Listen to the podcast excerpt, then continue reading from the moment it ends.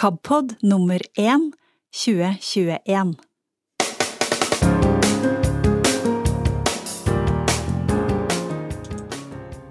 Først i KABpod i dag skal vi få mye informasjon. Vi i KAB vil gjerne at våre medlemmer skal få mest mulig innblikk i hva organisasjonen driver med. Og nå har du muligheten til å høre generalsekretær Øyvind Woie ta oss gjennom mange viktige punkter fra våre strategiplaner. Videre skal vi høre om eh, kurset Psykologisk førstehjelp, som handler om å rydde i tankene sine. Kurset er i KAB-regi, og det er på nett, og det er Kristin Berg som har dette kurset. Vi har også tatt en prat med Finn Tore Eivik. Han eh, inviterer til åpne nettmøter en onsdag i måneden. Klokka 20 kan hvem som helst logge seg på og være med på Tanker om tro. Tanker om tro har vi også her i KAB-podden eh, i form av en andakt, og det er eh, Magne Bjørndal som har denne gangen. Kurt Ove Mæland i Blindebukk. Han har tatt en prat med en kar som kaller seg bibelnerd. Og her kan vi lære litt, alle og enhver.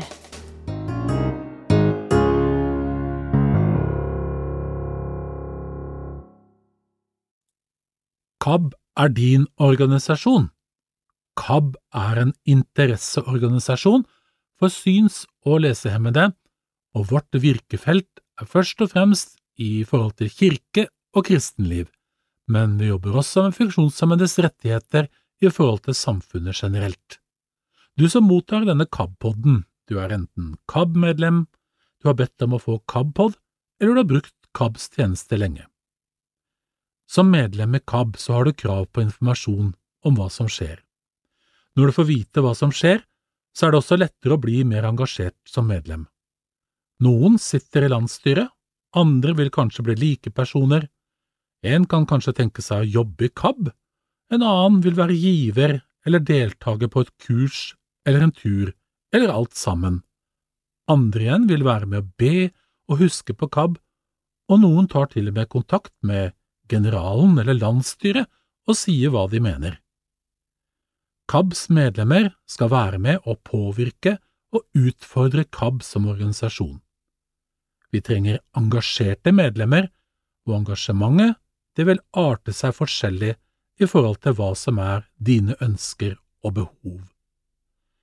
Jeg tror at vi i KAB må bli flinkere til å snakke til og med dere som er medlemmer.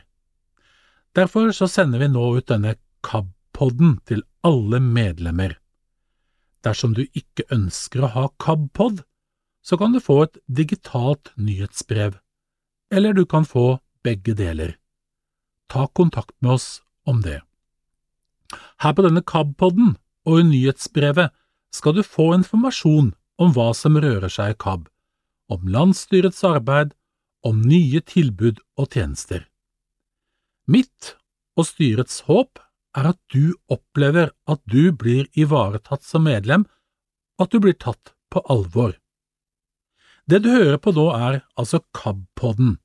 Den består av flere podkaster, eller programmer om du vil, som du også kan abonnere på hver for seg gjennom Lydhør og Lydbiblioteket. De fleste podkastene finner du også på Spotify og iTunes. Det er viktig at informasjonen fra KAB er tilgjengelig. I KABpod samler vi opp det meste av det vi gir ut, som en god gammeldags lydavis nesten, og legger inn informasjon om hva som skjer i KABs organisasjon. Dersom du ikke orker all den informasjonen, ja, da får du bare hoppe videre da og lytte til de andre innslagene. Valget er ditt. I tillegg til nyhetsbrevet så skal vi også legge til rette for at de som ønsker det, kan få lese referater og protokoller fra det som skjer i landsstyret, dersom du ønsker det. Ved siden av podkast- eller lydavistilbudene så har vi tilbud om nettmøter og nettkurs. Her kan alle være med, det koster ingenting.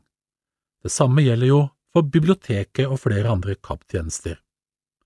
Bruker du ikke data eller mobil, så kan du ringe fra en helt vanlig telefon eller mobiltelefon for å delta på disse nettmøtene og nettkursene. Men du må si fra hvis du vil prøve det og trenger hjelp. Vi vil forsøke å gi informasjon om disse møtene og treffene også her på KABpod. I tillegg er nettsidene til KAB viktige, spør eventuelt om hjelp fra andre hvis det er vanskelig å lese disse. Så KABpodden er altså et medlemsmagasin. Det har kanskje noen tenkt lenge, men nå legger vi enda mer vekt på det. Den første informasjonsdelen denne gangen blir ganske lang, for jeg har mye viktig å fortelle deg. Vi starter litt med hvordan koronasituasjonen påvirker KABs arbeid og tilbudene til deg, så får du høre litt om dette med nettkurs og nettmøter, og så får du høre om landsstyrets planer for 2021. Det tror jeg holder i denne omgangen. Ønsker du å bestille nyhetsbrevet digitalt, så sender du en e-post til kab.alfakrøllkab.no, eller ringer 6981 6981.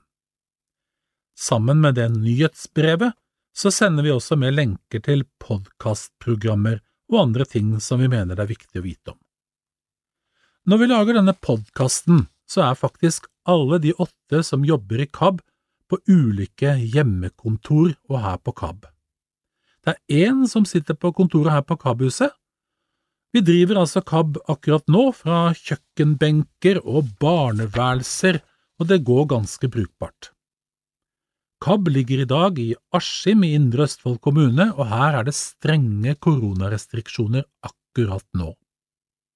Siden koronaepidemien startet, har det i hovedsak påvirket KAB på to måter. 1. Vi har avlyst og utsatt flere arrangementer i løpet av 2020 fordi det er utfordrende å samle synshemmede uten å bryte koronarestriksjonene. Selv om mange er superdyktige til å klare seg på egen hånd, så er det vanskelig og nesten umulig å samle synshemmede uten å tilby noen form for assistanse, både underveis og til og fra arrangementer, og bistand som fører til nærkontakt. I tillegg tilhører flere KAB-medlemmer også bru og brukere risikogruppene i forhold til korona. Våre lokalforeninger i Stavanger, Kristiansand og Oslo har også avlyst treff og arrangementer. Punkt to Vi har skapt mange nye tilbud som har blitt svært populære hos medlemmer og KAB-brukere, og fått kontakt med mange syns- og lesehemmede som vi ikke har hatt kontakt med tidligere. I tillegg har vi mottatt mye økonomisk støtte fra blant annet Stiftelsen DAM til å utvikle flere tilbud.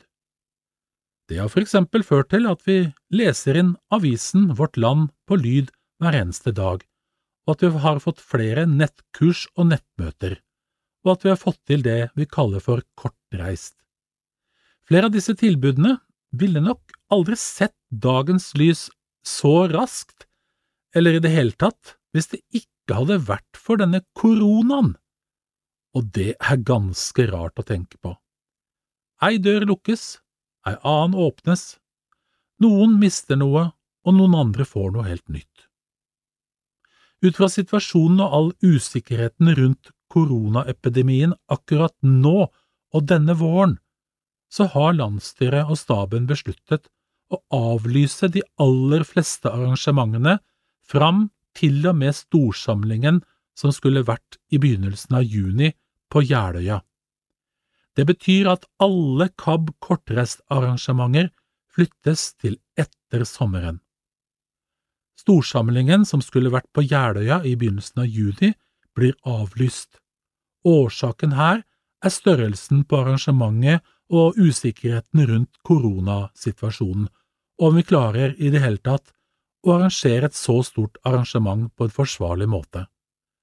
Da har styret beslutta at det er bedre å utsette dette arrangementet og avlyse det nå. KAB planlegger et podkastkurs i mai dette har få deltakere og skal gjennomføres dersom koronarestriksjonene tillater det. Det samme gjelder KABs fagforum i slutten av mai. Fagforum gjennomføres dersom koronarestriksjonene tillater det.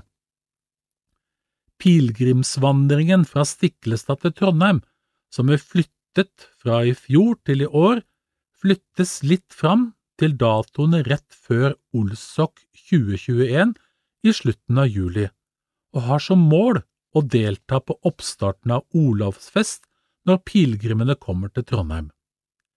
De som står på påmeldingsliste fra i fjor, blir kontaktet, og alle må ha en egen personlig ledsager. Det er også noen ledige plasser på denne vandringen, så ta kontakt. Men også her er det koronasituasjonen som avgjør, og som vi erfarer, så forandrer den seg fra dag til dag.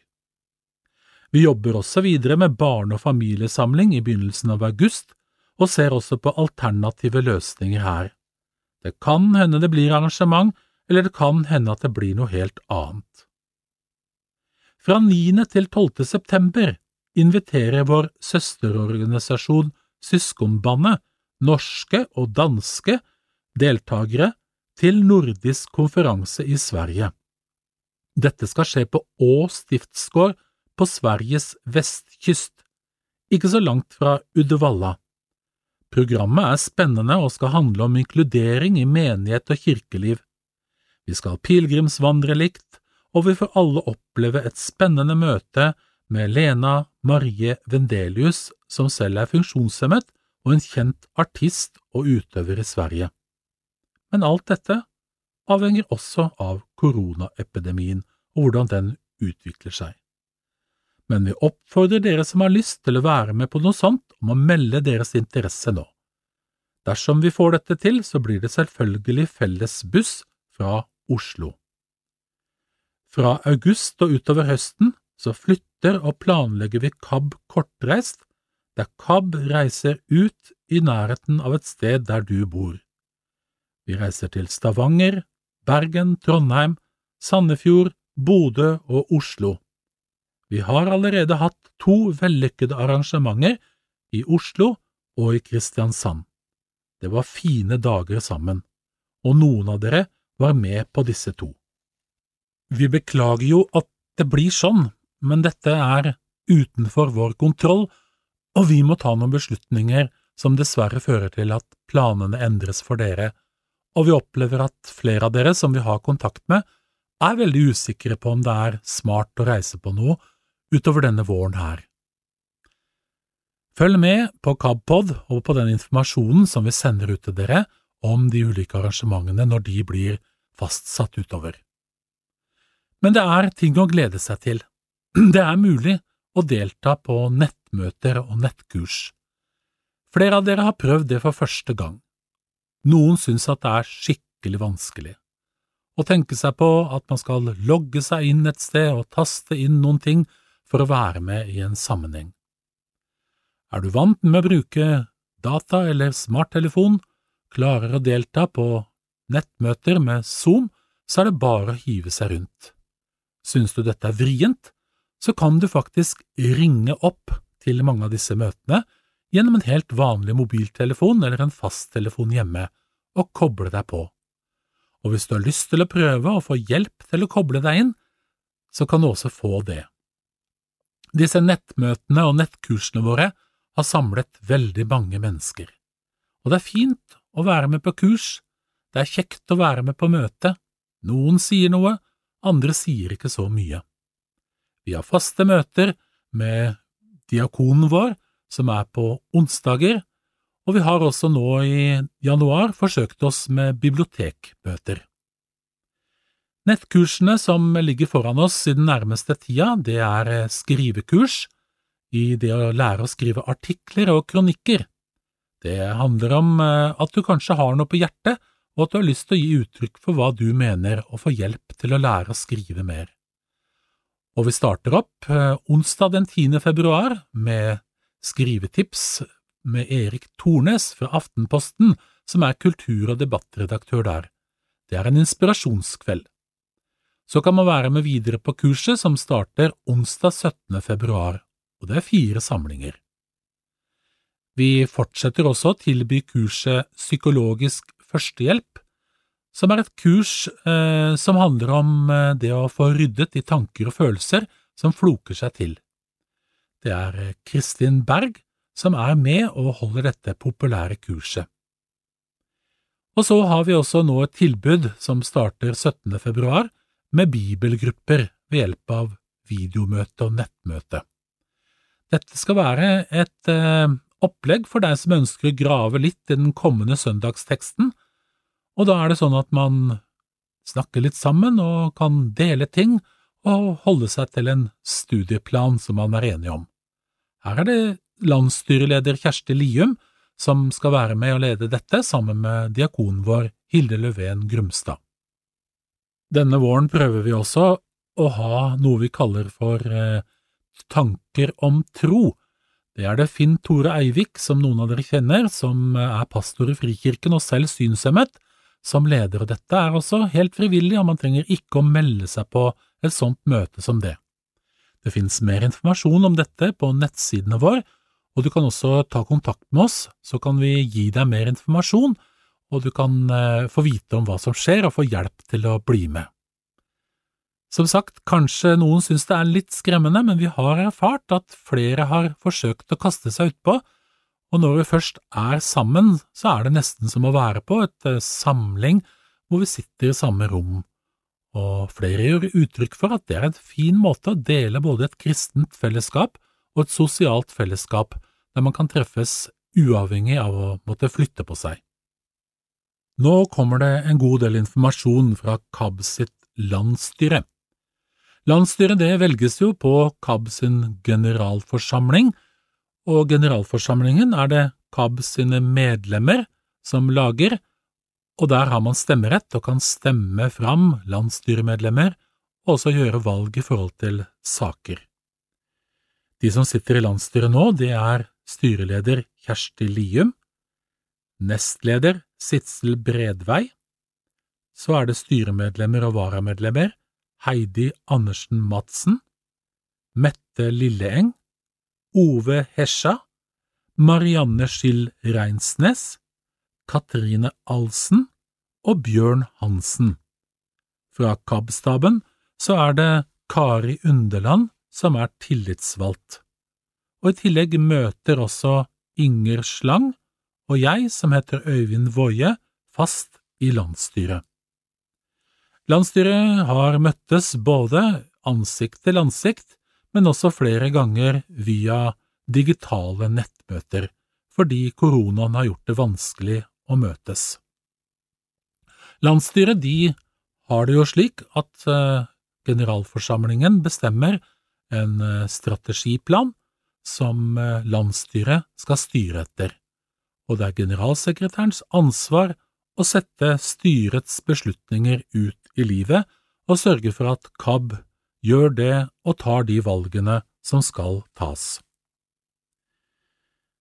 Jeg eh, henviser nå til landsstyremøtet som var 4. desember, og skal lese det som ble vedtatt eh, angående budsjett 2021. Det budsjettet oppsummerer veldig mye av det som KABs landsstyre har jobbet med den siste tiden. Protokollen for møtet 4. desember har budsjett for 2021 som sak nummer 50 så mer enn 50 saker ble behandla i landsstyret i 2020. Da leser jeg det som styret har vedtatt. Innledning Dette dokumentet beskriver satsingsområdene for 2021. Det er tatt utgangspunkt i strategiplan 2020 til 2022 som ble vedtatt av generalforsamlingen i 2019. Men dette omtaler ikke alt som ligger i den planen, eller som vi gjør på KAB hver dag. Fjorårets budsjettarbeid ligger også til grunn fordi mye ble endret eller stoppet på grunn av koronapandemien. Vedtaket bygger på generalsekretærens budsjettforslag og har vært drøftet i landsstyret. Det er ambisiøst, og styret har stått fritt til å gjøre sine beslutninger på basis av dokumentet, eller andre forhold som de mener har vært viktig for å sikre en god utvikling og videre drift av KAB. KAB går inn i et nytt budsjettår med en solid økonomisk base. Det kan vi i hovedsak takke koronaen for, og en person som i 1996 bestemte seg for at KAB skulle arve alt etter ham den dagen han døde. Koronaen har ført til både smerte og glede, avlysninger og nyskaping. Pengene vi fikk fra Bufdir til barneleir og pilegrimsvandring, overfører vi til 2021. Det samme gjelder en del koronatiltak fra Damstiftelsen og noe støtte fra Blindemisjon IL til blant annet leirer. I tillegg kan både styre og stab klappe seg selv på skuldra og takkes for tøffe valg og prioriteringer som er gjort i året vi legger bak oss. To stillinger ble tatt ut av lønnsbudsjettet. Det er både et vondt og strategisk valg. Det handler om effektivisering av daglig drift og god forvaltning av våre ressurser. I tillegg er det jobbet kreativt og systematisk med søknader, medlemsrekruttering og innsamling. Oppdrag og ansvar Vi har et stort forvalteransvar i KAB. Vi er gitt tillit til å håndtere store summer på vegne av det offentlige, legater og fond, gaver fra enkeltpersoner og ofringer fra kirkesamfunn og menigheter med mer.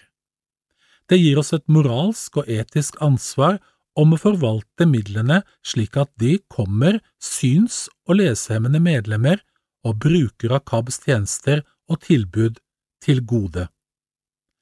Våre valg skal styres av medlemmene og brukerne.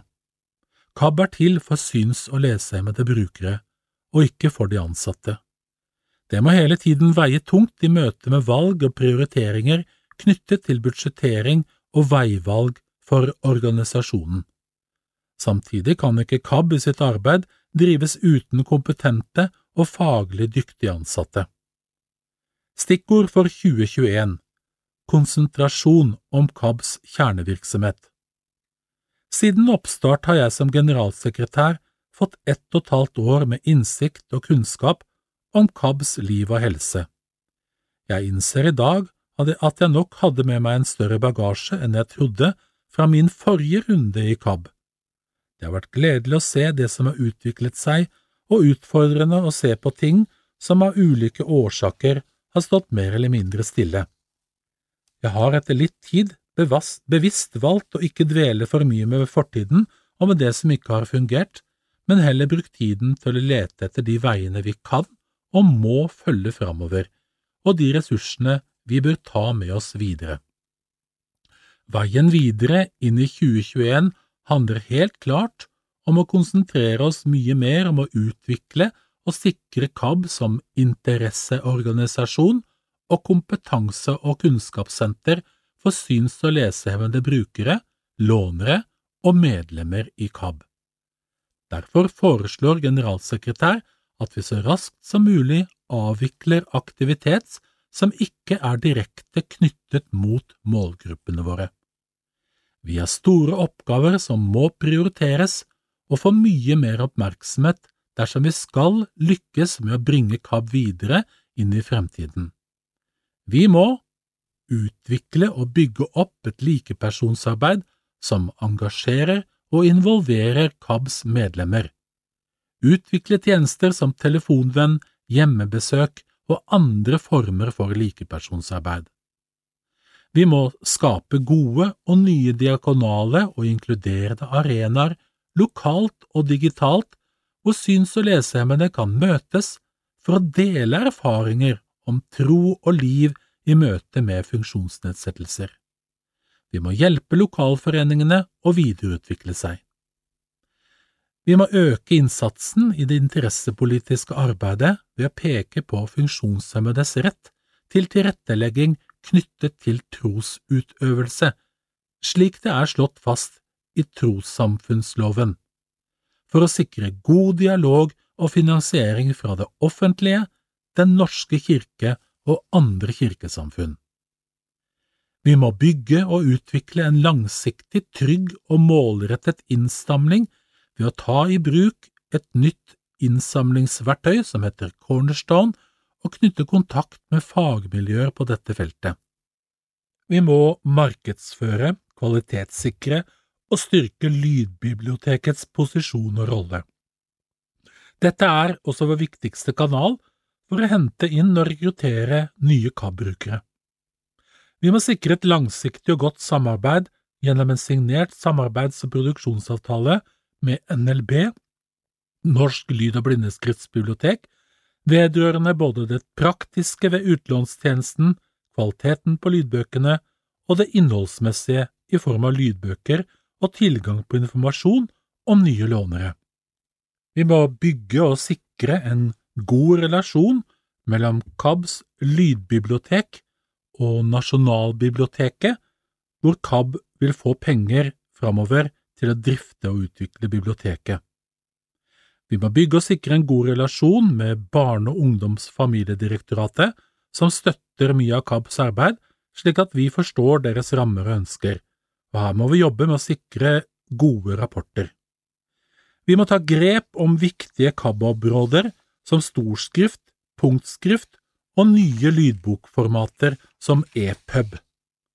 Vi må bygge KAB-kompetanse om hjelpemidler for syns- og lesehemmede for å forstå hvilke muligheter som finnes og kunne bidra med praktisk bistand til våre brukere. Vi må effektivisere driften av KAB ved å ta i bruk digitale løsninger, effektivisere arbeidet som utføres av våre ansatte, og sikre at vi bruker pengene våre til beste for medlemmene og brukerne. Vi må videreutvikle og skape det som er beskrevet i strategiplanen. Vi jobber litt for usystematisk og lite strategisk på flere områder i dag. Mye av dette er en del av grunnvollen og byggesteinene for å videre utvikle KAB, og det må på plass. Dersom vi ikke klarer dette, står vi også i fare for å miste troverdighet og tillit. Det kan i siste instans gjøre skade i form av å bli fratatt tilskudd og finansiering. Generalsekretær ber styret om at vi gjør følgende endringer og tiltak i 2021 for å styrke fokus på kjerneoppgavene til KAB, og dette har landsstyret vedtatt. Umiddelbart foreslås det at alt boksalg fra og med 2021 på CD til scene opphører, da vi er usikre på hvor stort overskudd av dette som kan tilbakeføres til brukerne. Markedet for lydbøker på CD er svært lite, og er i ferd med å forsvinne. Dette gjelder altså lydbøker solgt til scene. Salg og produksjon av lydbibler og eventuelt annen litteratur til syns- og lesehemmede opprettholdes. I løpet av 2021 må vi vurdere lønnsomheten ved salg av lydbøker i digitalt format og strømming, som i dag skjer gjennom lydbokbutikken.no. Dersom dette ikke gir et overskudd som kan tilbakeføres til aktivitet og tiltak for syns- og lesehemmede, må dette også avvikles. Det skal legges fram en lønnsomhetsvurdering av leiekopieringen KAB gjør for andre.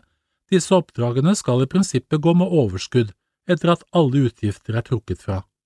Enkelte oppdrag kan vurderes å gå i balanse da de er viktige for målgruppene våre.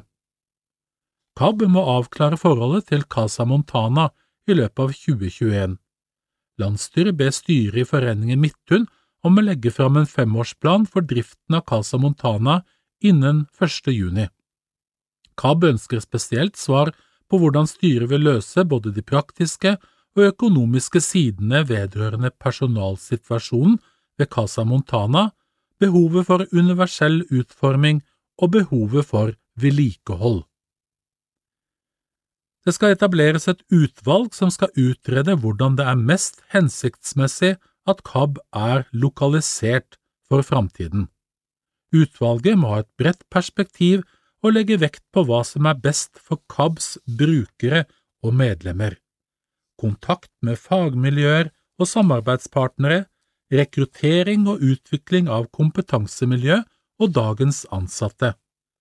Utredningen kan også gi konkrete råd og planer vedrørende ulike forhold rundt dagens løsning, som kan være utleie til andre av ledige arealer i KAB-huset, det kan handle om vedlikeholdsplaner, husleiesatser med mer.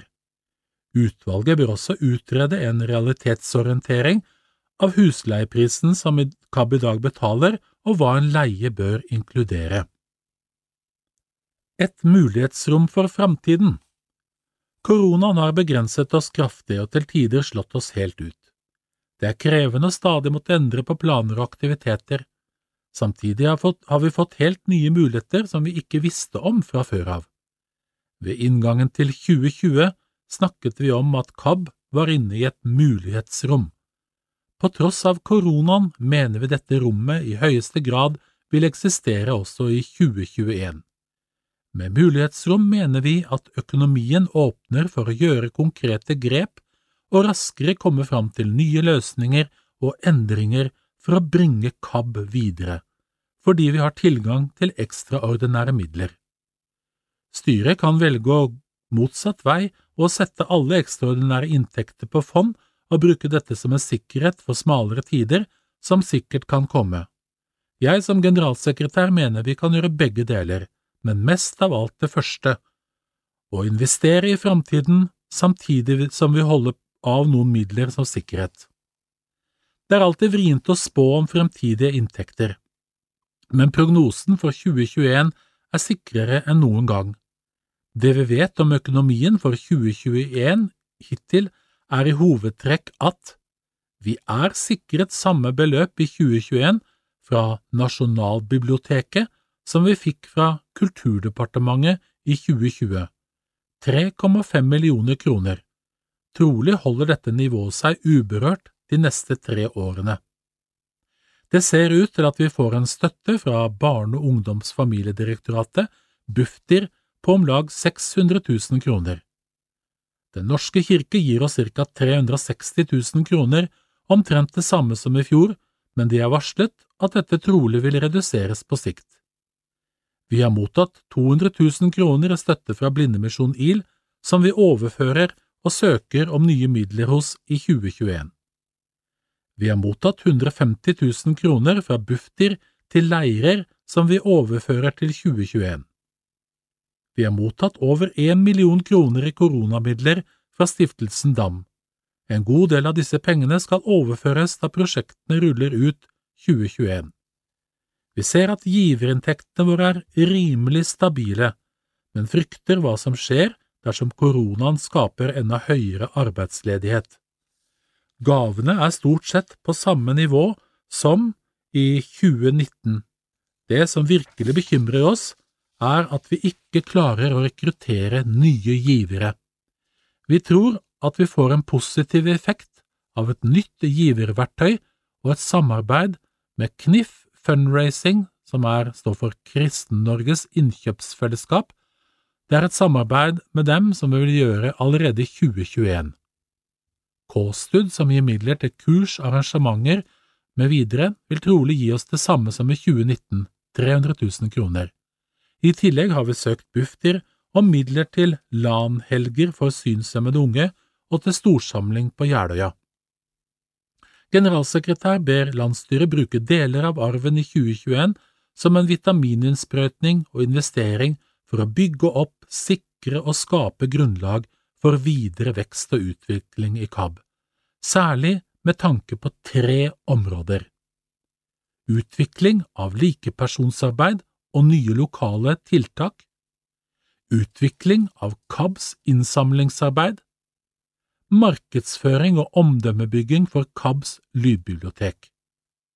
Konkret foreslår generalsekretæren, og det har styret da vedtatt, at det opprettes en stilling som vi har to år i et prosjekt, et engasjement, som kalles aktivitetsutvikler og koordinator, dette er en arbeidstittel, som skal koordinere og videreutvikle eksisterende aktiviteter som lokallag og foreninger, og bidra til å utvikle nye arenaer og treffsteder for syns- og lesehemmede KAB-medlemmer og brukere. Denne stillingen skal ha et særlig ansvar for å utvikle og følge opp KABs likepersonsarbeid. Stillingen skal samarbeide tett med KABs diakon og finansieres det første året med midler fra penger fra en stor arv KAB har mottatt. KAB vil fortsette samarbeidet med KNIF Fundraising, som skal hjelpe oss med å få på plass et godt innsamlingsarbeid, for å få på plass et giverkonsept som samler fastgivere som vi kaller Berørt, og rekrutterer nye givere til KAB. Det settes av 300 000 kroner til dette arbeidet i 2021. Målet er å øke gaveinntektene og antallet faste givere. KAB setter av inntil 300 000 kroner i 2021 til et markedsføringsprosjekt for å synliggjøre og løfte fram KABs lydbibliotek. Målet er å styrke bibliotekets posisjon, skaffe flere lånere og gi bedre informasjon om lånetilbudet og låneordningen. Midlene brukes til å engasjere en person eller personer eller et byrå med høy kompetanse på kommunikasjon gjennom digitale medier. Koronaen vippet oss inn i varmen, og ganske mye av pinnen. Ideer og tiltak som ble planlagt for 2020, ble utsatt, endret og lagt bort.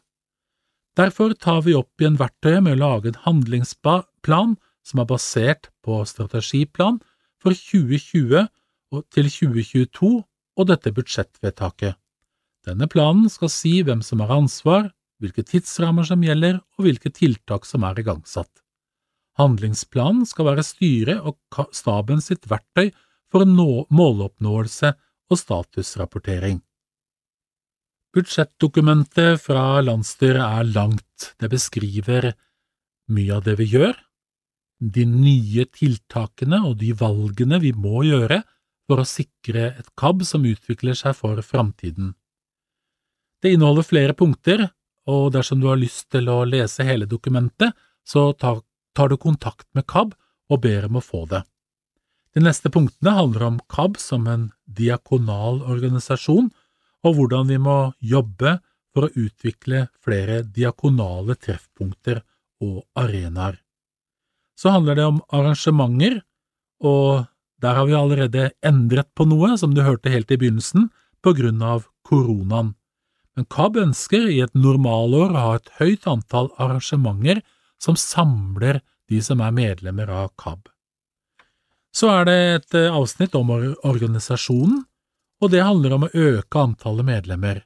Vi har jo vært litt oppsøkende og tatt kontakt med folk som ikke har betalt medlemskapet sitt, eh, fordi det er veldig viktig, og det er en veldig fin måte å bidra til KAB ved å være medlem, for da utløser det statlig støtte fra Bufdir. Hvert medlemskap gir oss ca. 3000–4000 kroner i statlig støtte, og det å ha mange medlemmer gir også KAB en anerkjennelse av å være en interesseorganisasjon. Vi skal arbeide med likepersonsarbeid og lokallag og lokale treff, og når det gjelder likepersonsarbeid, så har vi på blokka at vi skal arrangere kurs. Det kommer det mer informasjon om, og da vil vi invitere folk som har lyst til å være likepersoner i KAB, om å melde seg på disse kursene. Vi ønsker også å opprette en tettere dialog med brukerne og styrke brukermedvirkningen. Derfor så ønsker landsstyret å opprette et brukerforum. Vi skal jobbe mer, som sagt, med lydbiblioteket, og der handler det om å ha gode avtaler og fortsette å produsere mye lydbøker, men også se på ny teknologi knyttet til for eksempel e-pub. Og så skal vi også jobbe mer med punkt og storskrift, og her er det snakk om et lite detektivarbeid, å ta tak i tingene og få plassert ansvar i forhold til hva som skal produseres og hva det er behov for. Så er det svært viktig å jobbe med informasjon og påvirkning framover for å oppnå kontakt med de som bevilger penger til KAB, og for å være med å påvirke i forhold til eh, hvilke valg som ble tatt innenfor Den norske kirke i forhold til for eksempel tilrettelegging av kirke- og menighetsliv. Så er det dette med innsamling som er viktig for eh, KAB å satse på framover. Vi trenger å ha innsamlende midler fordi dette er frie penger som KAB lettere kan bruke til å utvikle arbeidet videre, siden det ikke er låst til spesielle prosjekter. Der har vi satt i gang en eh, telefonaksjon som eh, går nå i disse dager ut til eh, givere som er sene, som støtter KABs arbeid, med oppfordring om å bli fastgiver. En fastgivertjeneste er en fin måte å støtte KAB, slik at vi får sikre inntekter. Så er det også et uh, lite avsnitt om personalet på KAB, og her må vi jobbe med å utvikle mer kunnskap. Vi har masse erfaring og kunnskap i KAB, men vi trenger å styrke kompetansen og bygge opp kvalifiserte medarbeidere. Dette er et viktig poeng i det arbeidet som ligger foran oss. Styret har vedtatt at dette budsjettet skal eh, brukes i 2021. Det bygger på prinsippet om at KABs medlemmer og brukere skal settes i fokus for de valg og prioriteringer som må foretas.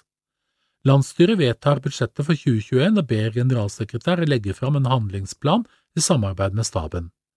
Landsstyret skal sette ned utvalg som skal utrede hvordan det er mest hensiktsmessig at KAB er lokalisert for framtiden. Utvalget skal minst bestå av en representant for landsstyret, tillitsvalgt og generalsekretær. Det kan være aktuelt å ha med en person med kompetanse på eiendom. Mandatet er beskrevet i dette dokumentet.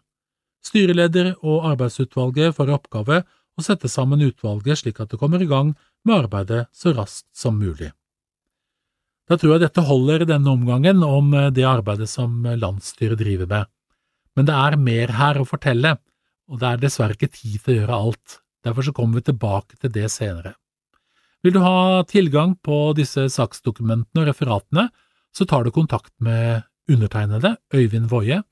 Du treffer meg på telefon 400 20801, eller e-postadressen min som er oivind, punktum voie, w-o-i-e, krøllalfa, kab. Har du tanker, reaksjoner, ting du har lyst til å drøfte, ting du har lyst til å minne meg på om at vi må huske på med KAB framover, så tar du kontakt med oss. Det var det for denne gangen, så høres vi igjen senere. Vi har tatt en prat med Kristin Berg, som er kursholder i kurset Psykologisk førstehjelp, som KAB arrangerer denne vinteren. Vi har med oss Kristin Berg. Du jobber med noe som heter Kommunikare kursformidling. Og du skal være med på en del nettkurs på KAB, og du har gjort en del nettkurs for KAB. Først av alt, Kristin, eh, hva er det du jobber med? Jeg jobber med forskjellige kurs og foredrag og prosjekter som, som, retter seg mot personer med nedsatt funksjonsevne og pårørende. Og jeg jobber først og fremst litt i skjæringspunktet mellom nedsatt funksjonsevne og psykisk helse. Um, jeg har vært innafor rehabiliteringsfeltet i 25 år. Så jeg er familieterapeut, altså så det er liksom min bakgrunn sånn faglig sett. Men du har en synshemming selv? Jeg er født blind. Så, mm. Men gjennom det året som har gått, så har du vel hatt en del eh, nettkurs også? Kan du fortelle litt om det? Ja, det kan jeg, for da fikk jeg vel det derre mm, velfortjente type der bak, du vet. Som mange har fått. Jeg har jo tenkt i mange år at det her skal jeg komme i gang med. At, eh, å ha kurs på den måten kan være nyttig i en del sammenhenger. Da. Nå måtte vi jo tenke nytt, og plutselig så fikk vi det jo til. Mm. Det som jeg i hvert fall har gått og snakka om i 28 år, tror jeg. så det har vært veldig bra eh, på min del å få litt erfaring med det. Men jeg er jo fortsatt sånn at jeg, jeg er ikke så veldig glad i den, de tekniske greiene rundt. Jeg blir fort litt sånn stressa hvis ikke alt fungerer og sånn. Så når jeg har vært så heldig for å holde kurs for KAB, så har det jo vært med en som har tatt hånd om det tekniske. Og det er sånn jeg tenker at jeg har veldig eh, lett for å slappe av med det, og syns at det er veldig OK at noen fikser det for meg. så, så, så, akkurat den tekniske sida, det har ikke jeg blitt eh, supergod på. på Men hvilke kurs har du hatt for uh, KAB, da? Jeg har hatt to forskjellige kurs. Det ene kurset handler om det som heter løsningsfokusert tilnærming, eller løft. Som egentlig er en del prinsipper for hvordan vi tenker når det floker seg litt til.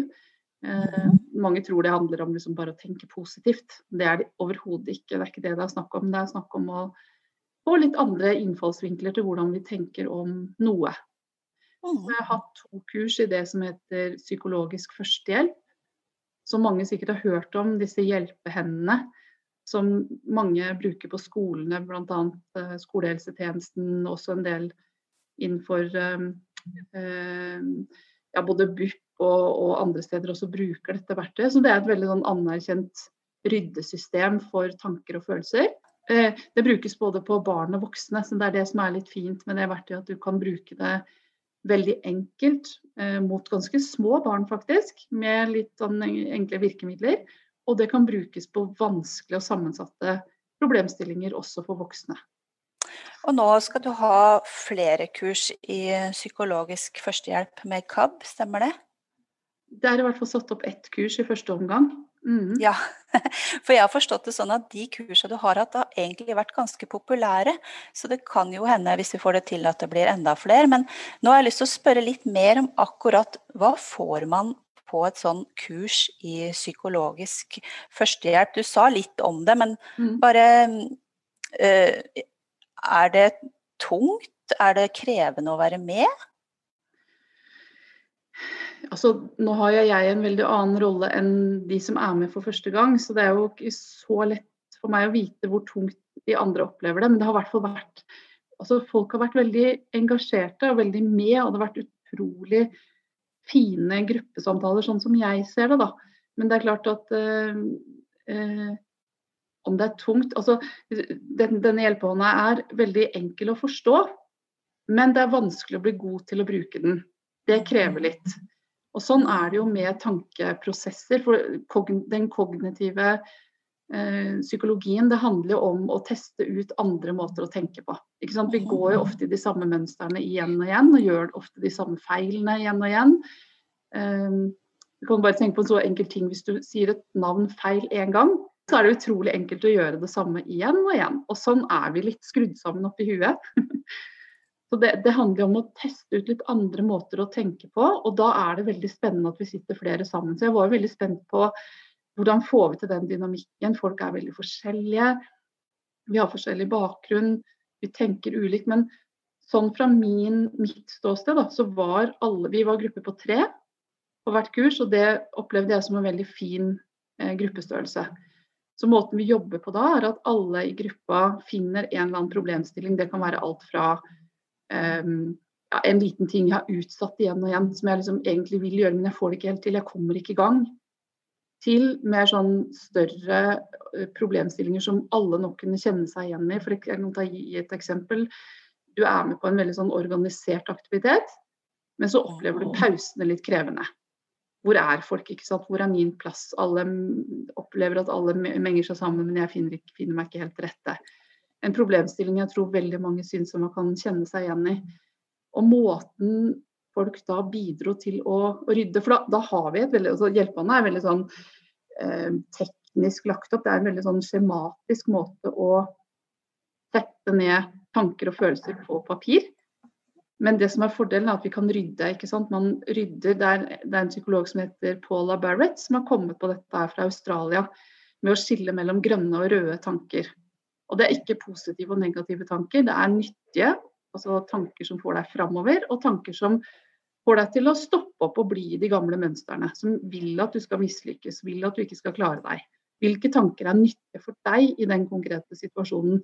Og så kan du få masse innspill fra de andre, og det var jeg veldig spent på. Vil de andre i gruppa vil man bli bare opptatt av sin problemstilling, eller vil man bidra?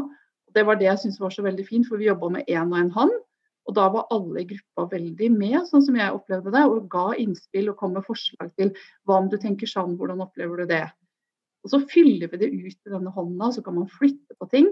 Og så får eh, deltakerne det på e-post. Så kan man bruke det en uke da, tenke på dette her og se på dette her. Så kanskje man kommer på nye ting. Så det har vært veldig fint, syns jeg, med den måten her å jobbe på. At eh, vi hadde to timer eh, sammen og så var det en uke til neste gang, og da ligger jo ting og modnes litt. ikke sant? Og du kan kjenne litt på er jeg virkelig motivert for dette, her, eller var det bare noe som jeg ble litt revet med akkurat den kvelden.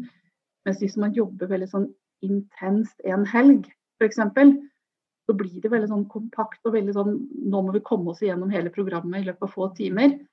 Det syns jeg var en veldig en god oppdagelse med disse digitale kursene, på, særlig på psykologisk førstehjelp. Syns jeg det fungerte veldig bra.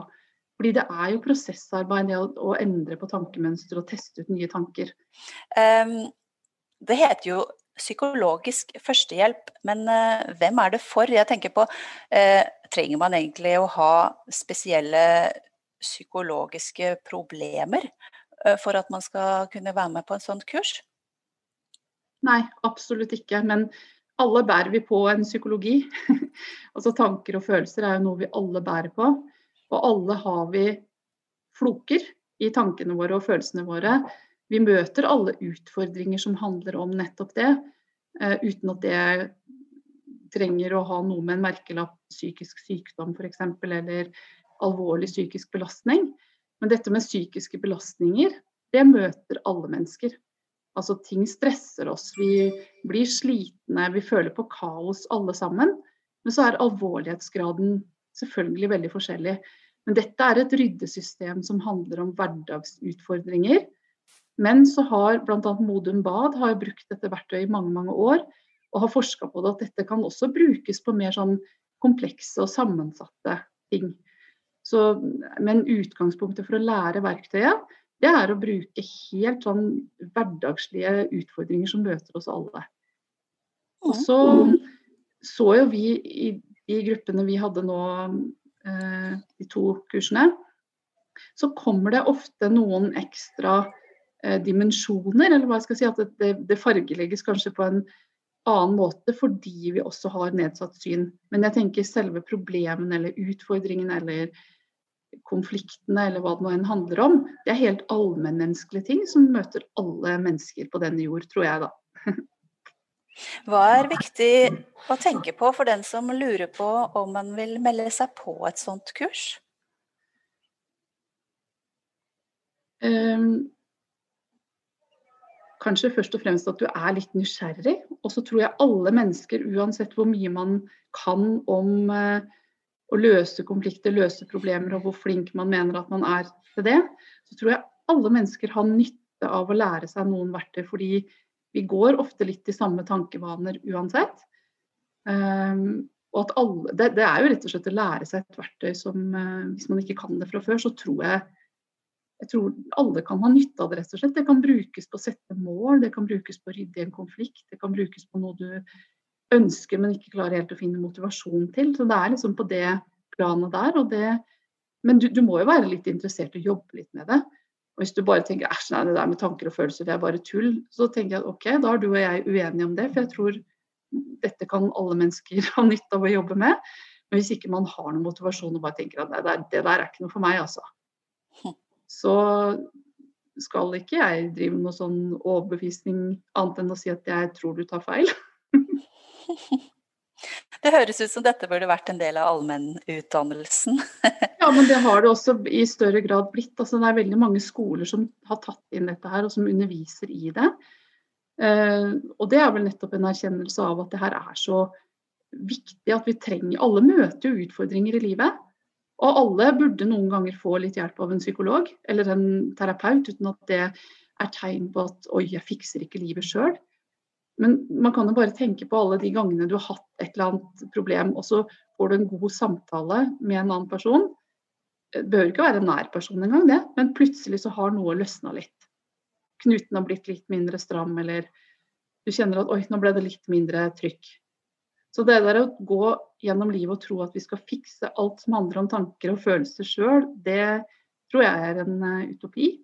Vi trenger hverandre, og vi trenger å, å, få litt hjelp til å komme videre. Og det tror jeg er helt uh, allmennmenneskelig. Så ja, jeg tror alle hadde hatt nytte av å lære sånne ting. Så det er veldig bra at de har tatt det inn i skoleverket mange steder.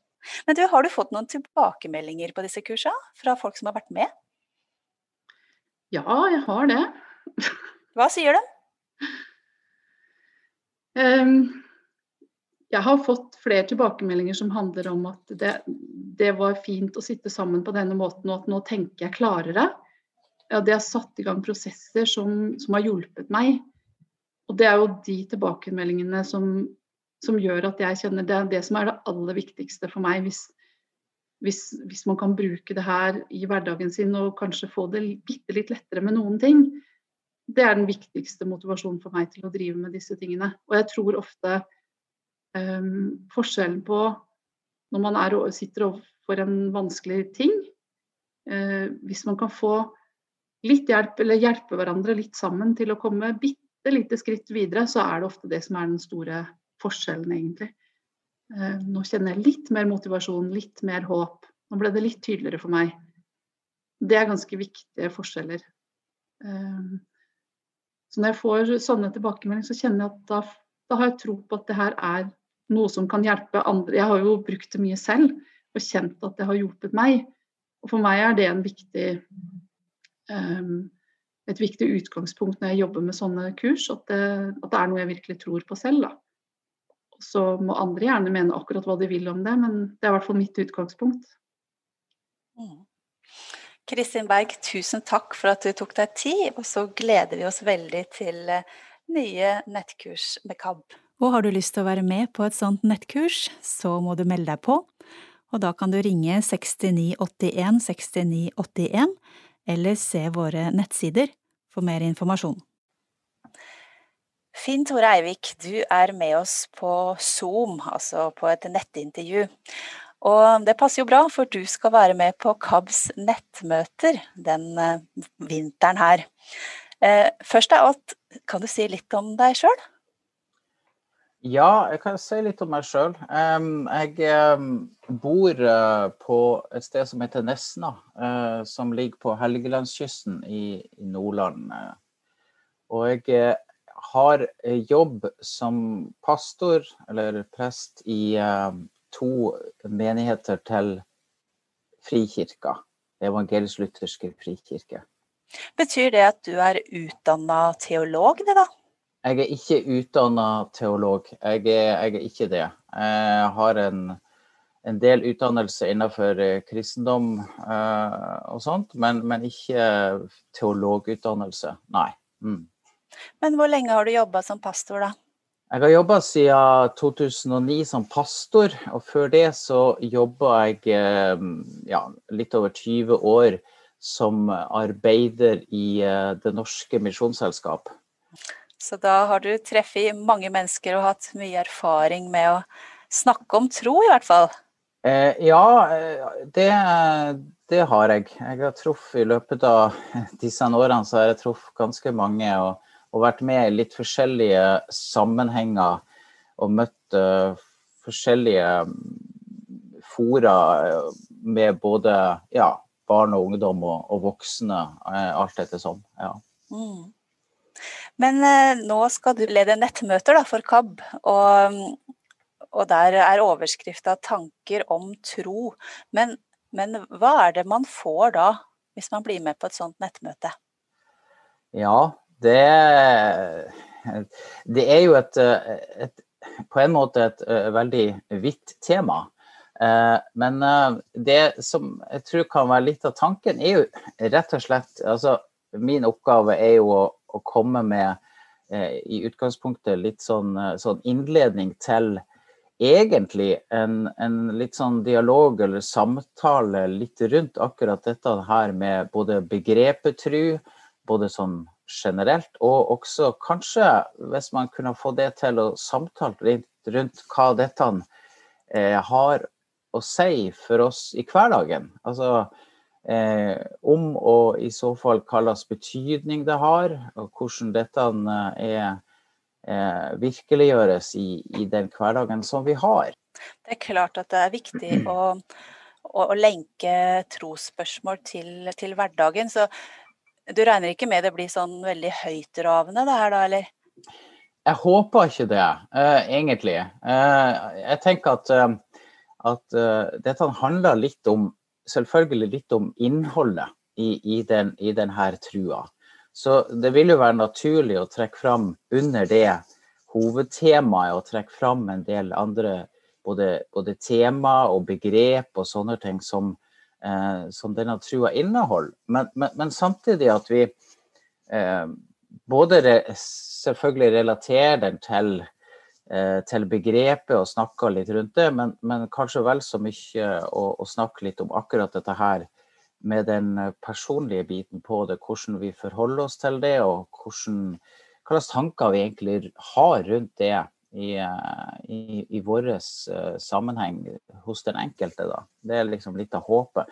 Og Samtidig så, så er dette et fora som, der man har anledning til å være med uten at man nødvendigvis trenger å delta på den måten. Altså det, det, er ikke snakk om at hver og en skal på en måte legge ut sin, sin troshistorie og sånne ting hvis man ikke ønsker det.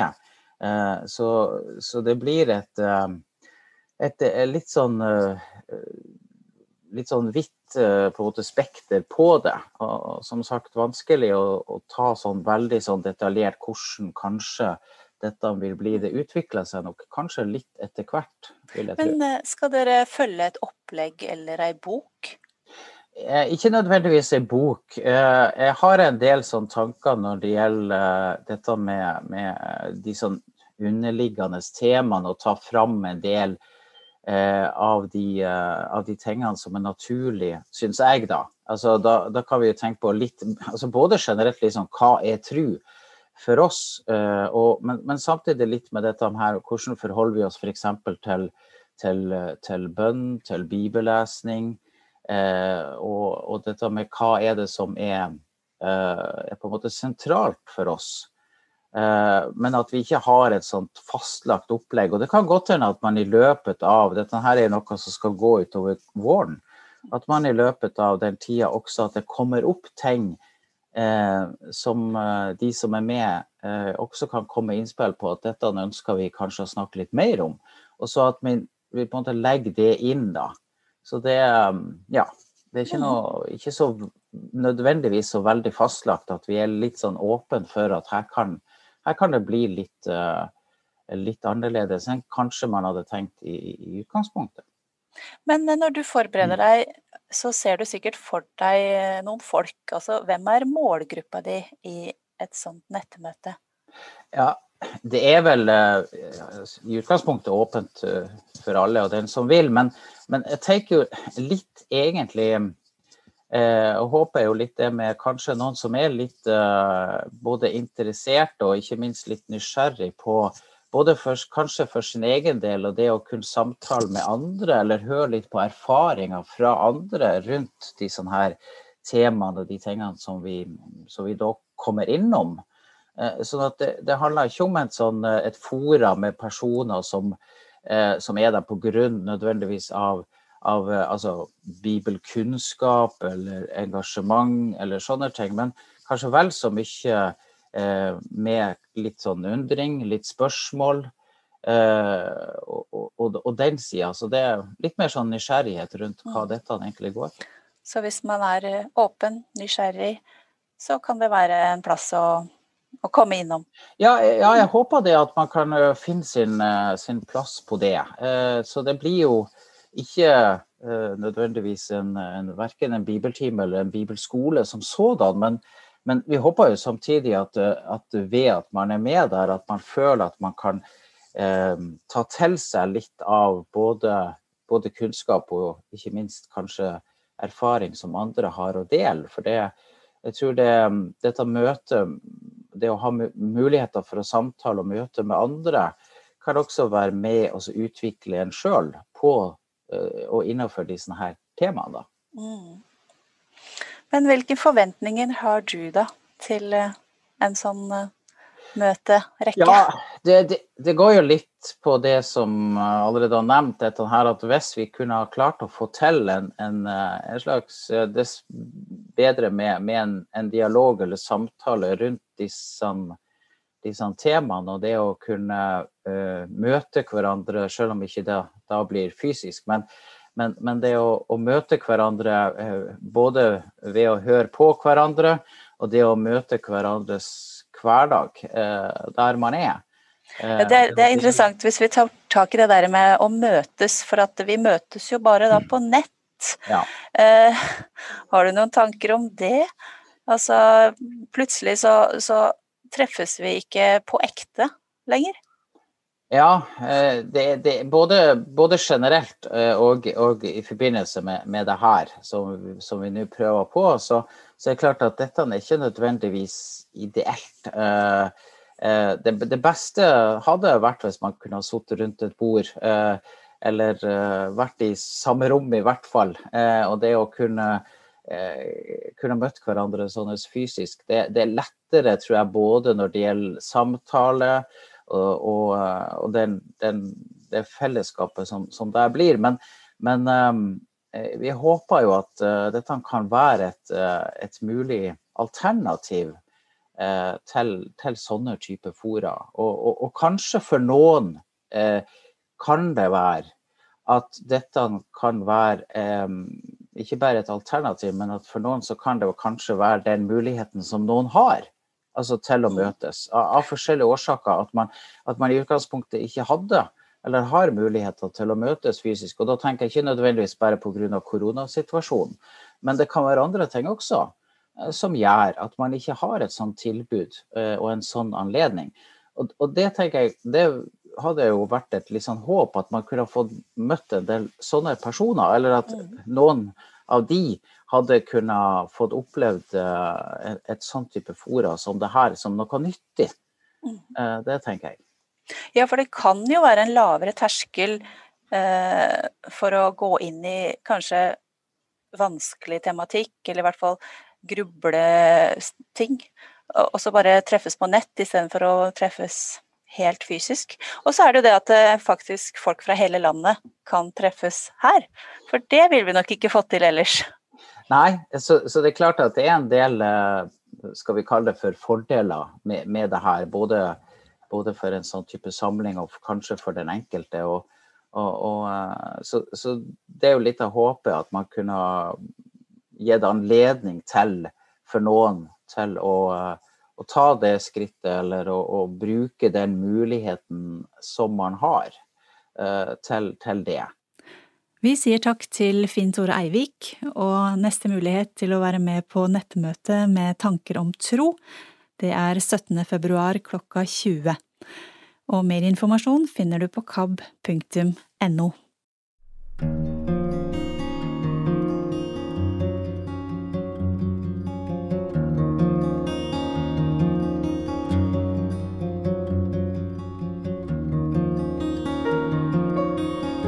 I denne delen av serien med trustanker med utgangspunkt i salmene i Bibelen, så skal vi denne gangen ta for oss Salme 40. Jeg heter forresten Magne Bjørndal, hvis noen lurte på det. Vi nøyer oss med den første delen av salmen, vers 2-6. Den teksten lyder slik. Jeg venta og vona på Herren han bøyde seg til meg og hørte mitt rop. Han dro meg opp av den tynende grav, opp av den djupe gjørma. Han sette mine føtter på fjell og gjorde mine steg faste. Han la en ny sang i min munn, en lovsang til vår Gud. Mange skal sjå det og ottast og setja si lit til Herren. Sel er den som set si lit til Herren, som ikke vender seg til de stolte, til de som fell fra i løgn. Store ting har du gjort for oss, Herre min Gud. Underfulle verk og planer, ingen er din like. Vil jeg fortelle og tale om deg, er det for mange til å reknast. Gjennom 30 år som prest så har jeg holdt hundrevis, ja sikkert tusenvis av preiker og taler og andakter og bibeltimer og hva det nå har vært kalt. De fleste av de har jeg glemt. Det var oppdrag som jeg utførte, og så la jeg det bak meg. Men ei bestemt preike over denne salmeteksten har jeg ikke glemt. Det var en augustkveld i 1988. Heimekirka mi, Gjerstad på Osterøy, var fullsett. Biskop Per Lønning var der, og flere prester. En av dem var forresten Jon William Kars, som den gangen var landsstyreleder i KAB. Grunnen til alt dette oppstyret var at jeg skulle ordineres, skulle vigsles til prest den kvelden. Stolen, båndet som prester har utapå prestekjolen, ble lagt over skuldrene mine. Det har en symbolikk som knyter seg til åket, altså bæretreet, som folk brukte for å formidle for å fordele tyngda med, f.eks. når de bar vann inn fra brønnen eller bekken. Slik ble børa og ansvaret, men òg det rensende og livgivende ved å være prest, lagt på meg. Og så skulle jeg altså preike over Salme 40. Jeg var spent og forventningsfull, men òg engstelig og stolt og glad. Mykje på en gang, da jeg gikk opp trappa til Preikestolen den kvelden.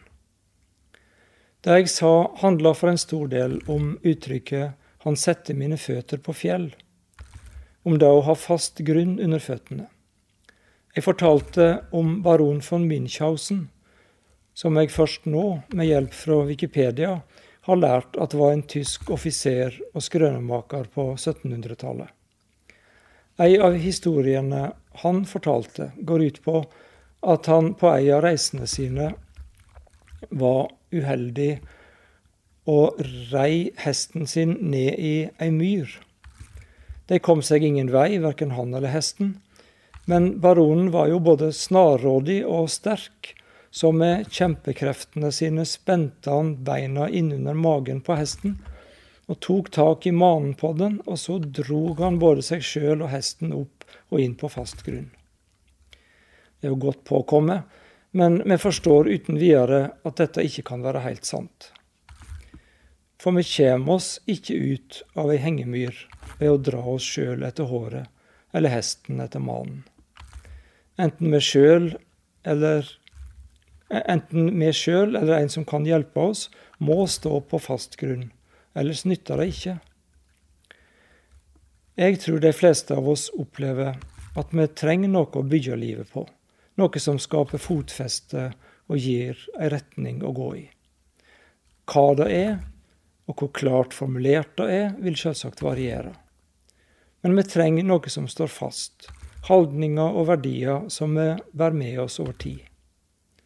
For egen del kan jeg ikke tenke meg noen tryggere grunn å stå på enn den som kristentrua tilbyr.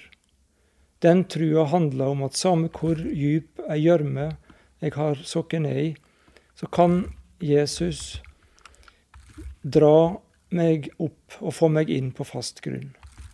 Ikke fordi jeg har fortjent det, men bare fordi han vil meg vel og er nådig mot meg. Når jeg svikter og kommer til kort, eller når jeg er utrygg på hvordan andre oppfatter meg, da er det godt å stå på dette fundamentet av nåde og tilgivning for Jesus skyld. Når jeg står på den grunnvollen, blir jeg ikke så avhengig av hele tida å være likt, av å speile meg i andre sine oppfatninger av meg og forventninger til meg. Og på denne grunnvollen så deltar jeg i lovsangen, sjøl om jeg slett ikke alltid synger så reint. Her er lovsangen rett som det er, blanda med sukk og klage, men en dag, når alt har blitt nytt, skal den lya fulltonende, til lov og pris og ære for Gud. Amen.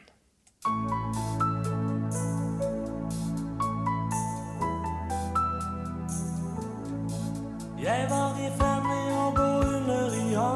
sjøl forakt. Da fant du meg, da fant du meg.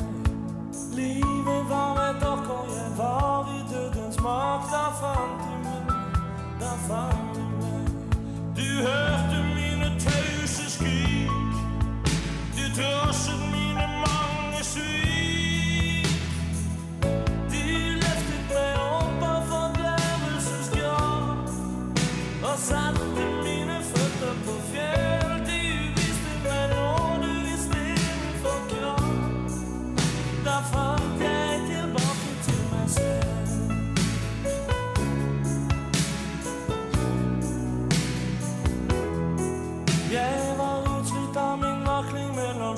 Selvforsvar. Der fant du meg, fant du meg. Jeg trodde jeg var himmelen, jeg var et sprukent kår, fant du meg, fant du meg. Du hørte mine tause skrik. Du trosset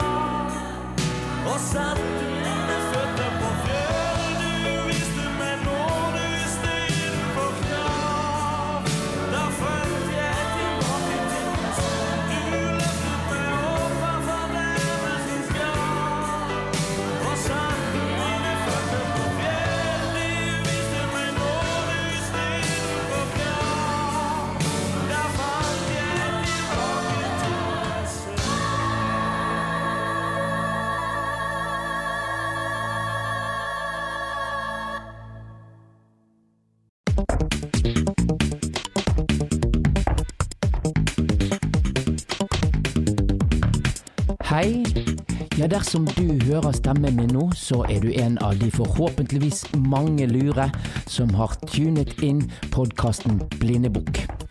Dette er en podkast som produseres for KAB av meg, Kurt Ove Mæland.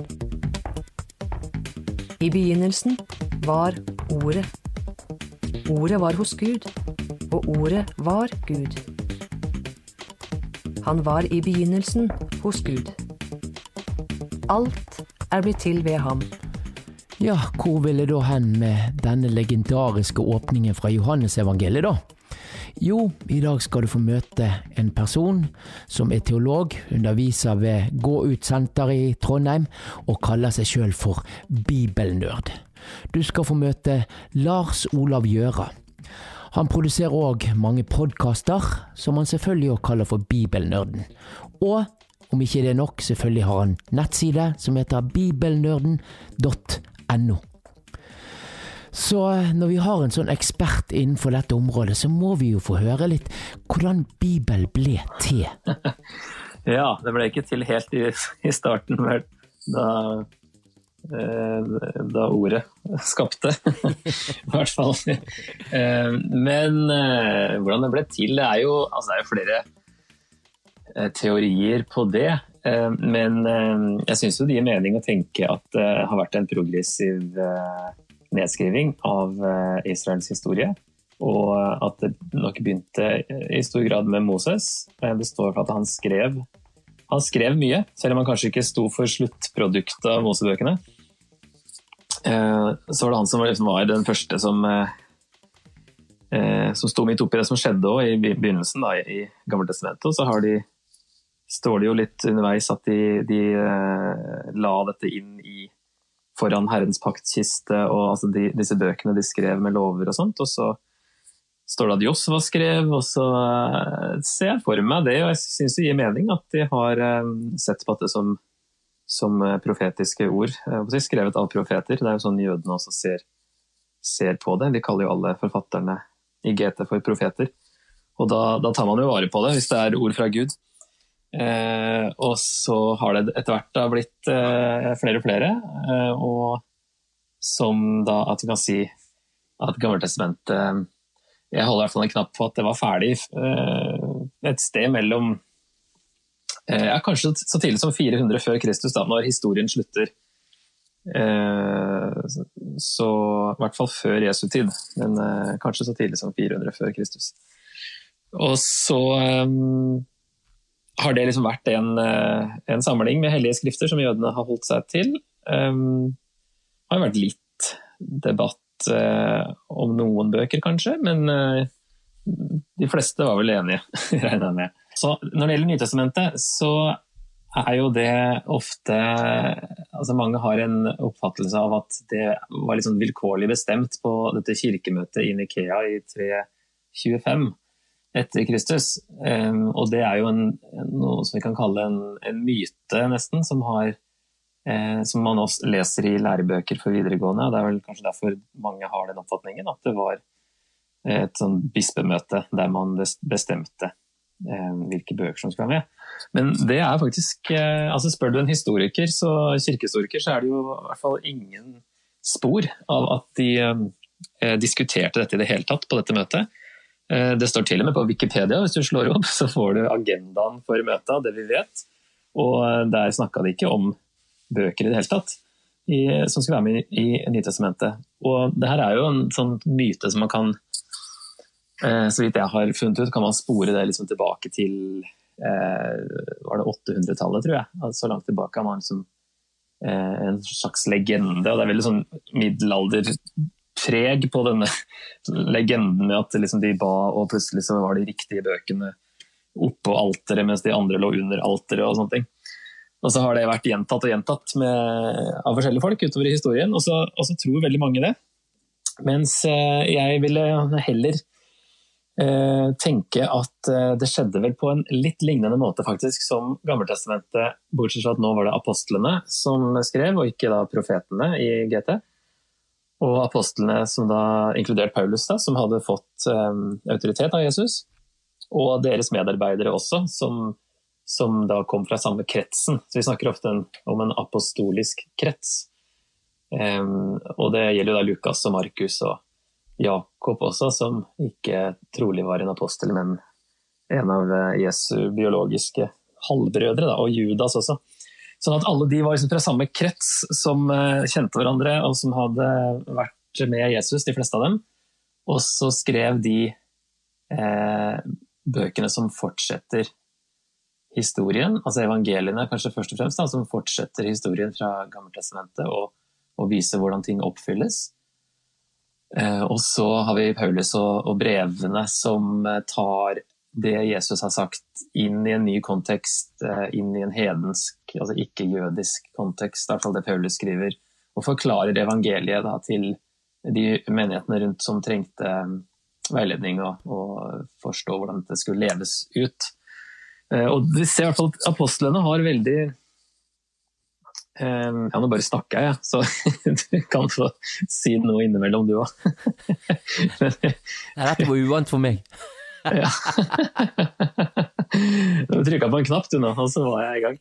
Så, men eh, det virker som Paulus hvert fall, han er veldig klar på sin autoritet. At han skriver med autoritet som en apostel og forventer at menighetene hører på dette her, og det har de tydeligvis gjort og tatt vare på brevene. og det, Kanskje han òg sjøl tok vare på eh, sine egne brev og, og samla de til en samling. I hvert fall en eh, teori på det. Det er jo veldig gamle navn som, eh, som har hengt ved disse evangeliene. Altså det er lang, lang, lang tradisjon for at det er de fire som vi har eh, etter altså Matteus, Markus, Lukas og Johannes. Selv om de er jo anonyme. Og det kan jo være at de er anonyme, for det var jo de historiske bøkene i GT også. At de la seg liksom i samme tradisjon og skulle bare skrive Guds historie uten å, å ta så mye plass sjøl. Men eh, Lukas eh, åpner jo med å si at han har snakka med øyenvitner, og, og det er andre som har skrevet før han, så han bruker sikkert noen kilder, både skriftlig og muntlig. Um, så han har jo ikke opplevd det sjøl, men, uh, men, har skrevet ned det øyenvitner har fortalt han. Mens Johannes har jo en på slutten der, selv om det står uh, 'vi', vet at hans vitnesbyrd, altså denne disippelen som Jesus elsket, at det er sant. Så det kan jo være en uh, Det er litt, litt, uklart hvem vi er, men de har i hvert fall basert seg på en, en apostel. Og om det er Johannes sjøl som bare tar med leseren i et 'vi'. Eh, det er også mulig, men at der er det også basert på øyenvitne. Eh, Markus er det gammel tradisjon for at han eh, skrev ned Peter sin forkynnelse. Det er jo helt tilbake til første århundre, den tradisjonen der.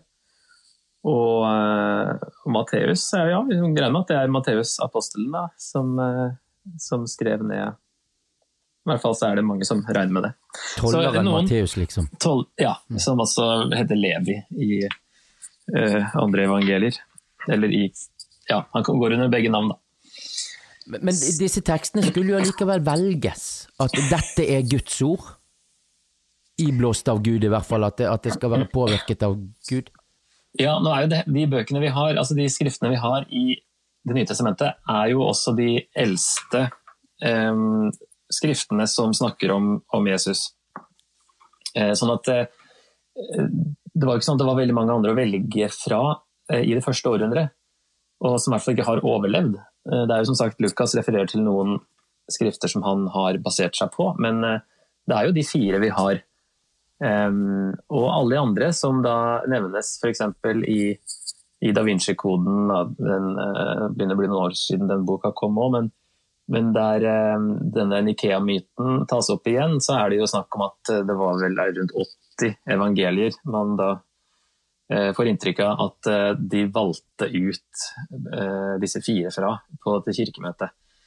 Så For det første så skjedde det jo ikke på det kirkemøtet, og for det andre så, så er jo alle de andre skrevet mye senere. Altså, De er skrevet på ja, kanskje rundt 150, er vel de eldste. da, Kanskje disse Thomas evangeliet og eh, Peters evangelium, er det noe som heter.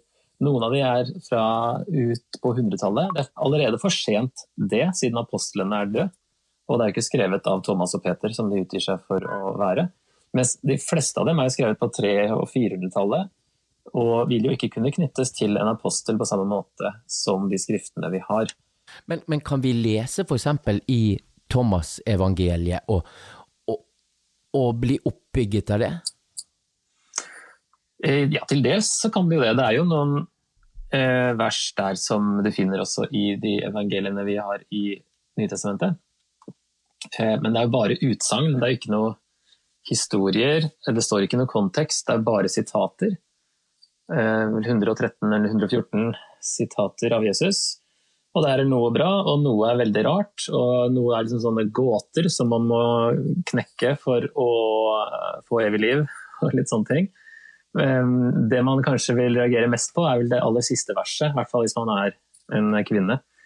For der står det jo at bare menn har skal få evig liv, eller noe sånt. Og enhver kvinne som gjør seg selv til mann, eh, skal også kunne få del i, i det evige liv. Da. Ja, Vi skal være glad at dette her ikke var i Bibelen. Ja, det, det, blir liksom noe, det blir noe helt annet. Eh, helt annet budskap. Det er jo det som også skiller disse andre evangeliene. Det kalles jo evangelier, men det, er jo ikke gode nyheter, som ordet betyr, for de fleste. Og det er jo ikke samme sjanger som vi har. Her er det f.eks. Bare, bare sitater. Det er ikke sånn at vi finner evangelier som er for like lange som de, de fire vi har, eller som, som, ligner såpass at vi kan si at dette er et annet evangelium, bare med et annet, eh, altså et som vi ikke kjenner til. I alle år etter Kristus så har folk studert Bibelen på detaljnivå. Og her en dag, du, når jeg hørte på en podkast av eh, Lars Olav Gjøra, så fikk jeg vite at det var noe som het sandwich i Bibelen. Og da ble jo jeg veldig gira. Men det var nok en del av den åndelige føden, det òg, ja. Sandwich var en strukturell oppbygning som var viktig for å skjønne sammenhenger. Men jeg lurer på, må man dissekere tekstene på den måten og kunne både latin og mer for å forstå den egentlige meningen i Bibelen? Um, all, altså, ja, på en måte så Man trenger jo ikke det for å få tak i budskapet og bli frelst. Uh, det, er jo, det er jo bra. blir, hvis ikke hadde det blitt en sånn gnostisisme nesten med at man måtte kunne gresk og gå i detaljene for å skjønne det. Så det, det trenger man ikke. Men det er jo det er veldig interessant at struktur også kan bidra. Og at det kan ligge noen eh, poenger i det. Og det eh, har jo med å gjøre at dette er skrevne ord av mennesker som levde for lenge siden, og som skrev på en annen måte, der det var vanlig å bruke sånne virkemidler. Så en sandwich eh, er jo det man kaller det når det, bytter fra et tema til et annet, og så tilbake igjen til det første temaet. Det ser vi mange steder, f.eks. i første korinterbrev så, så, ser man når Paulus snakker om kapittel 8 til 10, så snakker han om kjøtt som har blitt ofret til avguder. og er det greit å spise det kjøttet. Eh, og så virker det som han snakker om noe annet i kapittel 9, i midten, men han snakker da om sine rettigheter som han har oppgitt. Og så kommer han tilbake igjen til temaet om avguder eh, og, og kjøtt i kapittel 10. Og så har han da belyst det temaet fra en annen vinkel i det midtre kapittelet, der han viser at han har gitt opp mange rettigheter som han kunne ha benytta seg av som en apostel, og så er det da et, en oppfordring til korinterne om å også oppgi denne det de kanskje så på som en rettighet til å, å spise dette kjøttet. Og Så gjør han det samme igjen i kapittel 12-14, der han snakker om nådegaver. Eh, og Vi pleier å tenke litt når han snakker om nådegaver i kapittel 12, og så snakker han om kjærligheten i kapittel 13. Det er et veldig kjent kapittel der. Og så snakker han om nådegaver igjen i kapittel 14. Men det er også en, en sandwich der han eh, ser det fra en annen vinkel i midten da, og ser, eh, sier at kjærligheten er viktigere enn nådegavene, og nådegavene må brukes i kjærlighet. og At det henger sammen. At man kan da få et utfyllende bilde av hva han egentlig snakker om. Og problemet, Hovedproblemet er jo at vi ikke er så vant til å lese i helhet og lese hele konteksten. Vi er veldig flinke til å lese litt, lese litt her og der, og streke under vers som uh, hopper ut uh, av sida mot oss. Og så får vi kanskje ikke tak i det større bildet, og da er det jo litt uh, Da kan man misforstå litt, og man kan gå glipp av hva det egentlig snakkes om. Ja da, det er noen lange bøker der, og profetene er jo òg eh, kanskje Det er både den vanskeligste delen kanskje av Bibelen, eh, samtidig som jeg syns den er en av de mest spennende. Men du må, du må, ha litt hjelp for å forstå de bøkene også. Eh, med noen knagger som eh, forklarer litt hvorfor profetene i det hele tatt eh, kom med sine budskap.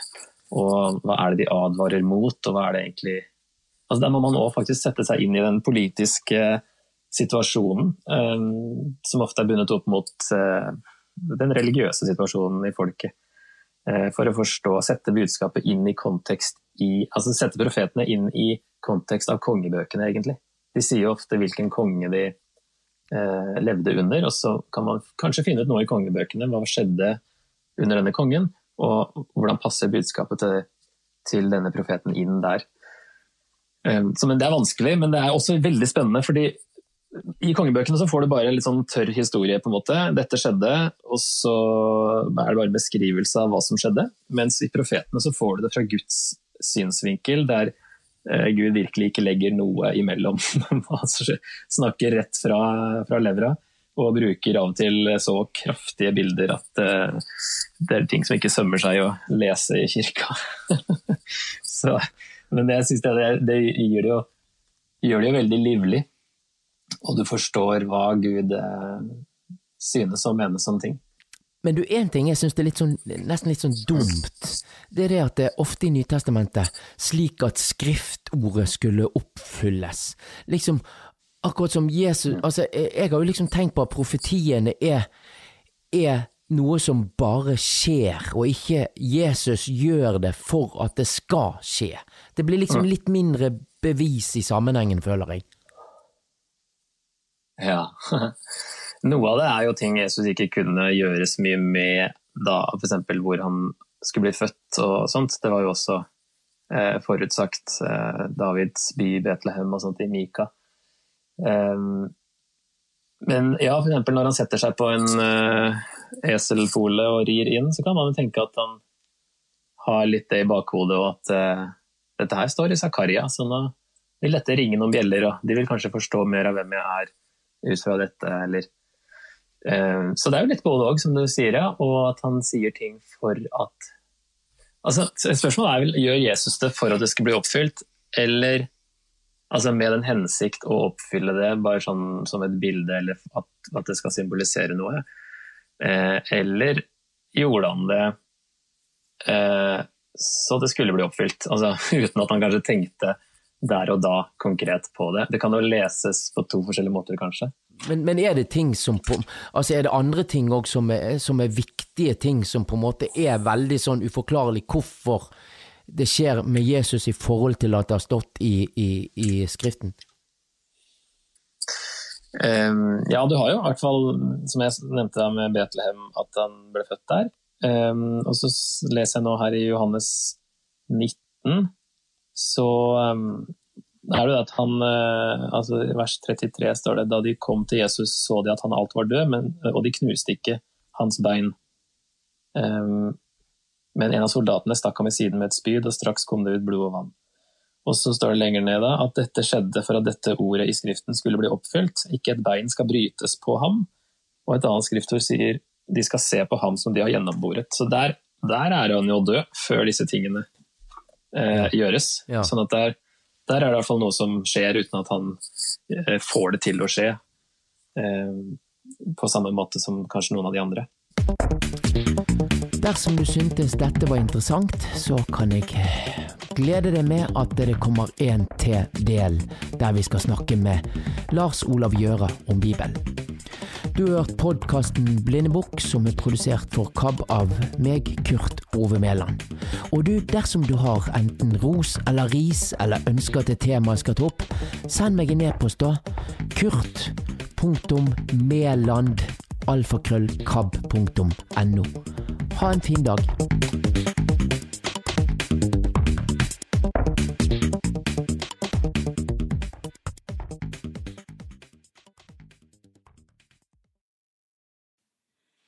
Misjonstidene nummer én for 2021, januar 2021. Bladet er utgitt av NMS, Det Norske Misjonsselskap, postadresse boks 226 sentrum, 4001 Stavanger. Telefonnummer 51 51 61 00. Ansvarlig redaktør, generalsekretær Helge S. Gaard, Redaktør Martin Eikeland. Redaksjonsleder Andreas Dirdal Kydland. Leder Et underlig år. Ved inngangen til 2020 tenkte jeg at dette ville bli et spesielt år. 1. april skulle jeg begynne som generalsekretær i NMS. Det skulle vise seg at året skulle bli mer spesielt enn jeg hadde sett for meg.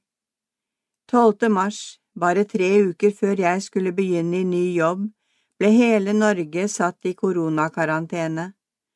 Den første smittebølgen flommet over samfunns-, bedrifts-, kirke- og organisasjonsliv.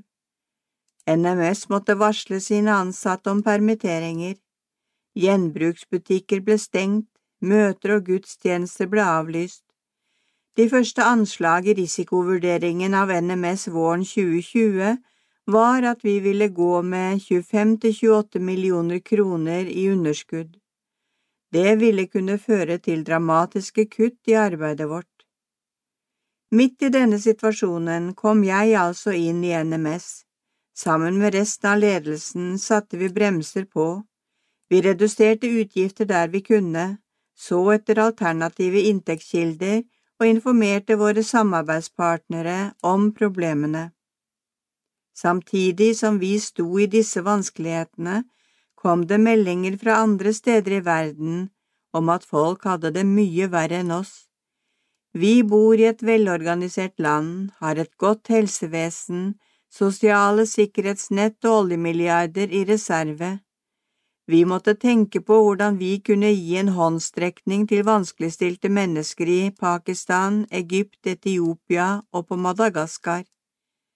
Midt i det kaoset vi har stått i, har det vært fantastisk å oppleve at givere, medlemmer og frivillige har vist stor giverglede og kreativitet. Det kom store gaver fra enkeltpersoner. NMS fikk mer testamentariske gaver enn budsjettert, og menigheter laget aksjoner som kompenserte for bortfall av offer. Foreninger ga sin gave selv om de fysisk ikke kunne møtes. Gjenbruksbutikker, regionstyrer, områdeutvalg og leirsteder var tilpasningsdyktige innenfor det mulighetsrommet som var. Der fysiske samlinger ble umulige, åpnet det seg nye, digitale muligheter. NMS har vist seg som en levende og kreativ organisasjon som også i vanskelige tider har kraft til å holde oppe en visjon om en levende kirke over hele jorden. Vi legger oss selv i Guds hender, ber om at Guds rike må komme, og går med friskt mot inn i mulighetene som ligger foran oss. Når jeg skal summere opp året, er det ett ord som framstår som det viktigste – takk. Vi takker våre trofaste bidragsytere og myndighetene som har kompensert for økonomisk tap, men mest av alt er jeg takknemlig til Gud som heller ikke i år har sviktet. Helge Gaard, generalsekretær Troshistorier i bokform Journalist Ove Eikje har samlet tros- og omvendelseshistorier fra 15 personer i boka Da Gud grep inn. Boka er allerede trykket i to opplag på til sammen 3000. Det er mye med kristentroen som i dag blir diskutert opp og i mente, men enkelthistorier om hva Gud har gjort i enkeltmenneskers liv, kan ikke diskuteres. Mitt ønske er at denne boka skal være et redskap til oppbyggelse og til å formidle troen til nye mennesker, sier Ove Eikje. Boka er tilgjengelig hos de fleste kristne bokhandlere. Notehefte fra Nordlys Den tidligere Thailand-misjonæren Nordlys Nilsen Grimsby har skrevet tekst og melodi til 15 sanger. Disse har hun utgitt i et smakfullt notehefte. Nordlys har også fått dyktige sangere og musikere til å spille sangene. Noteheftet og CD-en har fått tittelen Himmel og jord møtes. Nordlys sier dette om utgivelsen. Jeg har lyst til å gjøre noe for NMS. Det er den organisasjonen jeg kan takke for at jeg fikk realisert mitt misjonærkall. NMS betyr mye for meg, men det viktige er at evangeliet blir formidlet utover hele kloden gjennom NMS. CD-en og noteheftet er til salgs i NMS sin nettbutikk nms.no slash nettbutikk. De 290 kronene som noteheftet og CD-en koster, går uavkortet til misjonsarbeidet. Velkommen til deg som er ny abonnent. I løpet av desember fikk MT Misjonstidene mer enn 400 nye abonnenter. Det synes vi er kjempeflott. Mange av dere har fått abonnementet som en ekstra julegave. Tusen takk til alle som har gitt bort bladet til slekt og venner. Vi håper dere som nå har fått MT for første gang, vil sette pris på bladet og gjerne anbefale det videre til enda flere. MT er helt gratis, likevel har dette nummeret en vedlagt giro. Den er for alle som ønsker å være med og sørge for at vi kan ha et blad som hele tiden er aktuelt og holder en høy kvalitet. Vi minner om at denne er frivillig, og bladet i sin helhet er og forblir gratis for alle abonnenter.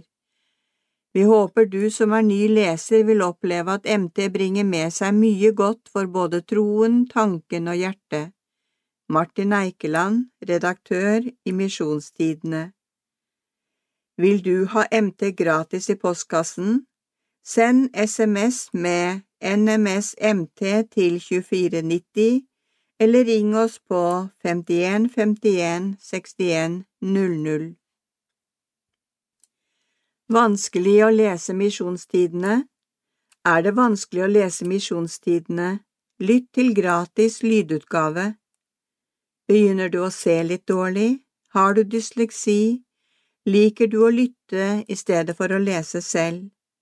Alle kan lytte til bladet i lydversjon på nms.no. Syns- og lesehemmede kan få misjonstidene på Daisy fra KAB. Kontakt KAB på telefon 69 81 69 81 eller e-post kab-kab.no. KAB betyr Kristent arbeid blant blinde og svaksynte, og vi leser inn bladet i lydversjon. Det blomstrer i Lyon, Flere unge har fått øynene opp for det som foregår innenfor kirkens fire vegger i Lyon, takket være det brasilianske misjonærekteparet Matteus og Mariana. Tekst Andreas Dirdal Kydland Det har gått tre år siden det brasilianske ekteparet Mateus Pereira og Mariana Erhardt startet sin misjonærtjeneste i Lyon i Frankrike. De er sendt fra den brasilianske misjonsorganisasjonen Misao Zero til Den forente protestantiske kirke i Frankrike, EPUDF, som er kirken NMS samarbeider med. Målet er at ekteparet skal få flere studenter og unge voksne til å oppdage tilbudene som allerede finnes i kirken, i tillegg til å etablere nye arenaer hvor folk kan møtes. Det er den brasilianske organisasjonen Movimento Encontrao, EPUDF og NMS sammen som finansierer prosjektet. I 2015 var ekteparet sendt til Nantes i Frankrike som U-Crew gjennom NMS sitt program for ettårig praktikanttjeneste. Den erfaringen har kommet godt med i Lyon. Ekteparets arbeid har gitt gledelige resultater. Gjennom bruk av sosiale medier, nye møtearenaer og videreutvikling av tilbudene som allerede finnes, har flere unge fått øynene opp for at kirken er et godt sted å være. Vi har lykkes i å samle flere unge til forskjellige typer arrangementer. Da vi ankom, fantes det en liten gruppe bestående av fem–seks universitetsstudenter som møttes annenhver mandag for å spise og prate sammen. Møtene ble avholdt i en av de protestantiske menighetene i byen, i lokaler som egentlig ikke var veldig innbydende for unge mennesker, forteller Matteus. Ekteparet bestemte seg raskt for å innføre ukentlige møter med fokus på bønn og bibelstudier i tillegg til felles måltider. Vi så at det å møtes hver uke i stedet for annenhver uke førte til bedre kontakt mellom deltakerne. Flere har utviklet vennskap, og stadig oftere opplever vi at nye fjes dukker opp. Kirken manglet noen som kunne synliggjøre aktivitetene og tilbudene som allerede fantes. Matteus og Mariana opplevde etter en stund, til sin store glede, at lokalene i kirken ble for små. Dermed begynte de å se seg om etter større og mer egnede lokaler. I den lutherske kirken sto kirkerommet ubrukt store deler av uken. Her fikk vi sette bort halvparten av kirkebenkene for å innrede et mer innbydende kirkerom med sofaer, bord, stoler og dekor. Her arrangerer vi mange av aktivitetene våre, forteller Matteus. Etter flyttingen har den gode utviklingen fortsatt. 1. En gruppe for unge studenter eksisterte allerede før Matteus og Mariana ankom Lyon. I starten var det fem–seks personer, i dag kommer det langt flere. To. En gruppe unge mennesker har valgt å bli disippelgjort og støtter opp om Matteus og Marianas misjonsarbeid. Tre. To dager i uken er kirken åpen for alle, da kan de bruke kirken til alt fra studier til bønn. Fire. Tre ganger i året avholdes en av gudstjenestene i et av de andre protestantiske sognene. 5. Kirken satser på økumenisk arbeid.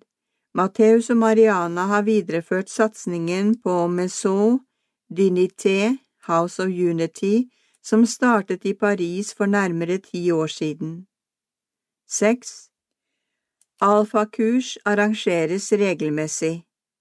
Korona Matteus og Mariana hadde ved inngangen til 2020 stor tro på at den gode utviklingen ville fortsette. Så kom koronapandemien og snudde opp ned på det meste. Kort tid før Europa for alvor ble rammet av pandemien, ble Mariana trolig selv smittet av viruset. I slutten av januar reiste vi noen dager til Barcelona. Vi ble begge syke etter vi kom hjem. Etter en uke ble vi friske igjen, men Mariana ble raskt syk igjen. Denne gangen ble hun skikkelig dårlig og hostet mye. Enkelte dager lå hun bare i sengen, forteller Matteus. Legen sa det trolig var noe alvorlig og skrev ut antibiotika uten at det hjalp noe. Samtidig begynte vi å høre om at viruset begynte å spre seg i Italia og flere land. Heldigvis ble Mariana bedre i slutten av februar. Vi vet ikke for sikkert om hun var smittet av koronaviruset, men mye tyder på det, legger han til. Nedstengningen av Frankrike rammet noen uker senere også kirkelivet. Over natten mistet Matteus og Mariana muligheten til å møte de mange unge som regelmessig kom til kirken. Heldigvis kunne vi arrangere mange digitale treff, noe som også har fungert godt. Nå håper vi samfunnet snart vender tilbake til normalen, sier han. Etter dette intervjuet ble gjort, har det franske samfunnet stengt ned mange av aktivitetene igjen, etter en gradvis gjenåpning i sommer.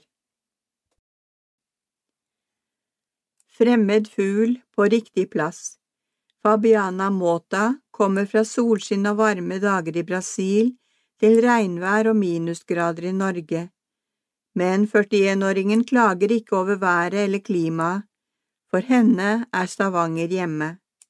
Tekst Martin Eikeland jeg elsker brukte klær og gjenbruksbutikker, utbryter Fabiana begeistret når hun kommer som en sommervind inn i gjenbruksbutikken i Nygata i Stavanger. Hun stenger vind og regn ute når hun lukker butikkdøra, og begynner straks å ordne med noen av de brukte klærne som henger i underetasjen.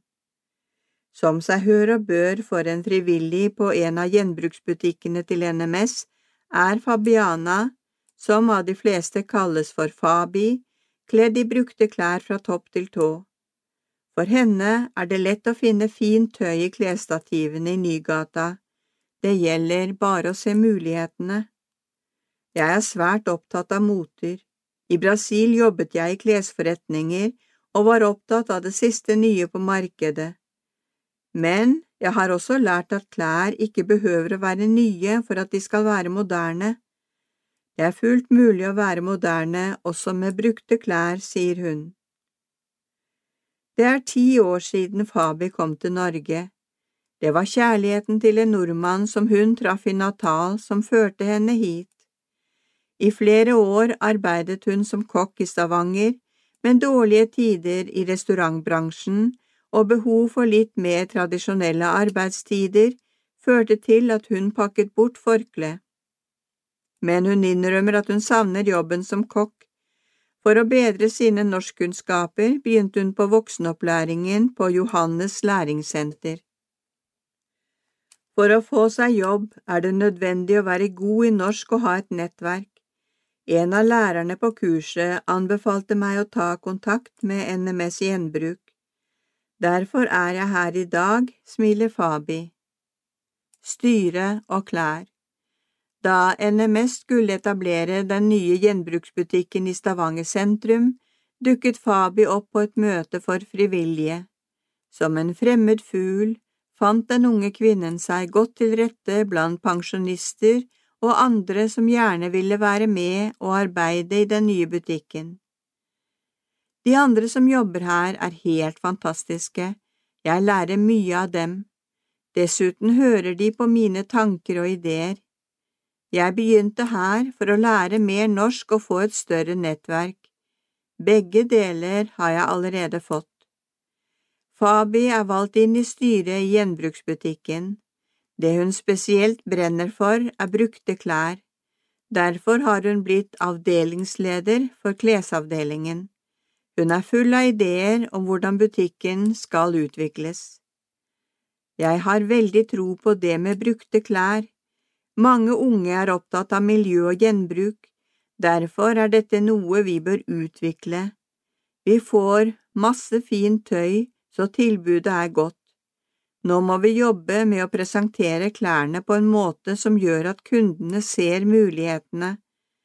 Nå skal vi begynne å ta motebilder og legge disse ut på Instagram og Facebook.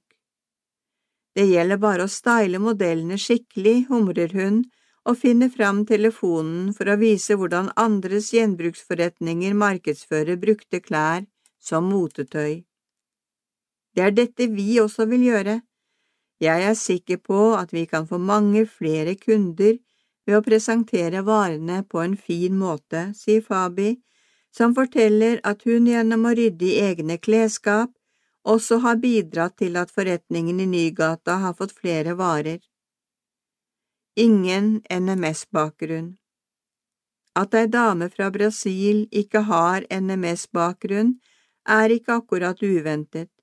Hun kommer fra en bakgrunn der morens familie er katolikker, mens familien på farssiden er protestanter.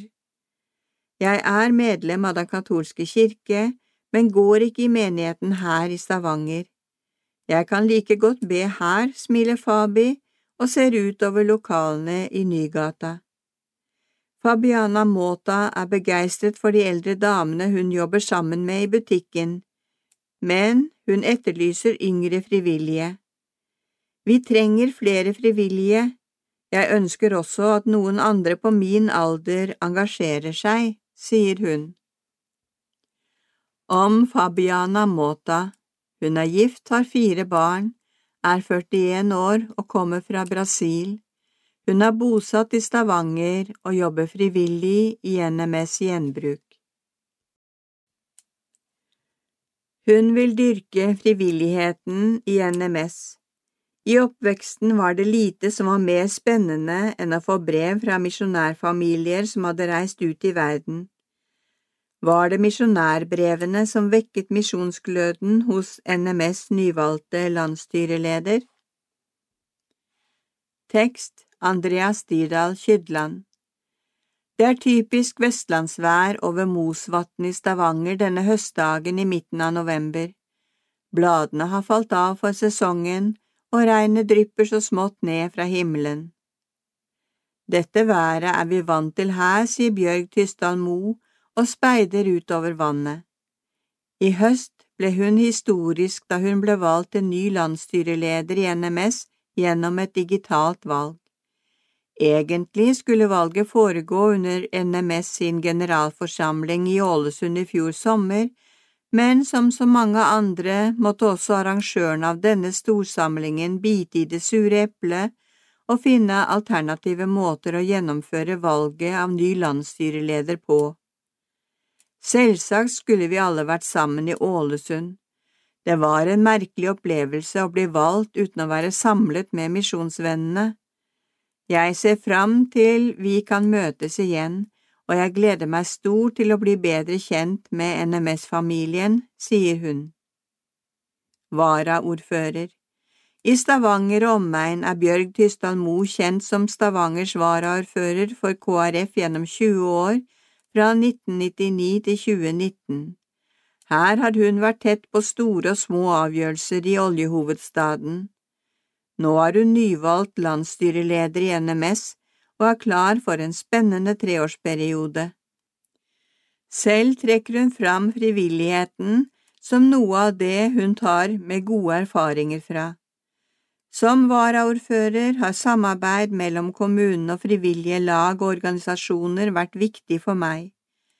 Dette samarbeidet står sterkt i byen, og jeg har hatt gleden av å oppleve på nært hold hvor mye frivilligheten betyr både for barn og unges oppvekstvilkår og for eldre mennesker. Dette samspillet skaper livsglede. Det er ved å gi at en får. Jeg er veldig glad for at NMS også er opptatt av disse tingene, sier hun. I fjor høst var det nye landsstyret samlet fysisk til sitt første landsstyremøte i Ålesund. Der møtte Tystan Mo Greta Gravås Aartun, som i 2020 ble tildelt den første frivillighetsprisen i NMS. Aartun, som for øvrig også sitter i landsstyret, mottok prisen for sitt engasjement for Misjon i hagen, MIHA.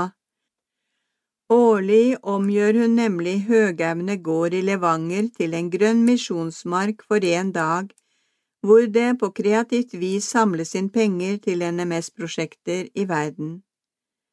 Det var så inspirerende å høre om hvordan Miha hadde blitt til, og engasjementet som årlig legges ned for å samle inn penger til NMS-prosjekter. Jeg er glad for at NMS-ere stadig finner nye muligheter til å bidra, sier hun. Den nye landsstyrelederen nevner regionstyrene, foreningene, de over 2000 som jobber frivillig for NMS gjenbruksbutikker, og at NMS har frivillige på kontrakt som noe av det hun gleder seg til å bli bedre kjent med i tiden framover. Fra NMS ble startet med foreningene som grunnmur, Til i dag, når vi blant annet også har gjenbruksbutikker, har kjernen hele tiden vært de frivilliges engasjement og vårt sterke ønske om å skape aktiviteter sammen for å nå lenger ut med evangeliet, sier hun. Misjonsvind fra barndommen Bjørg Tysdal Mo kommer opprinnelig fra Sand i Ryfylke. Begge foreldrene var aktive i kirke og bedehus. Misjonstidene var blant misjonsbladene familien abonnerte på. Fra oppveksten husker hun at flere fra nærområdet reiste ut i verden som misjonærer. Vi fikk brev fra Jakob Åno med familie som reiste fra Sand til Tanzania som misjonær. På gravplassen på Sand er det reist en minnestøtte for Reinert Aas, som var misjonær på Madagaskar. Min svoger med familie har vært misjonær i Etiopia, og vi har venner som var misjonærer i Japan for NMS, forteller hun. Etter oppveksten på Sand flyttet hun til Stavanger da hun startet på videregående skole. Her har hun bodd siden, med unntak av fire år i Oslo, da hun jobbet i skolelaget, laget NKSS. Misjonsgløden fra barndommen ble imidlertid ikke igjen på sand. Da hennes egne barn vokste opp, ledet hun en barneforening i nabolaget i Stavanger. I tillegg til at barna fikk kjennskap til misjonærenes rolle i verden, så Tysdal Mo en fin anledning til å gjøre barna bedre kjent med demokrati. Vi avholdt valg på navn til foreningen, og vi laget stemmesedler med bilder på. Misjonsforeningen ble hetende Rosa Panterklubben, forteller hun. Madagaskarvenn Som varaordfører fikk Tystan Mo omfattende kontakt med byen Ansirabe på Madagaskar som er en av Stavangers vennskapsbyer. Her var jeg engasjert i flere saker, blant annet et demokratiutviklingsprosjekt og et miljøprosjekt. Jeg besøkte Ansira B for første gang i 2003 og har hatt gleden av å besøke Madagaskar flere ganger siden. Siste gang var for ett år siden. Det at to byer fra et av verdens rikeste og et av verdens fattigste land finner sammen, og utveksler erfaringer, gir viktig lærdom begge veier.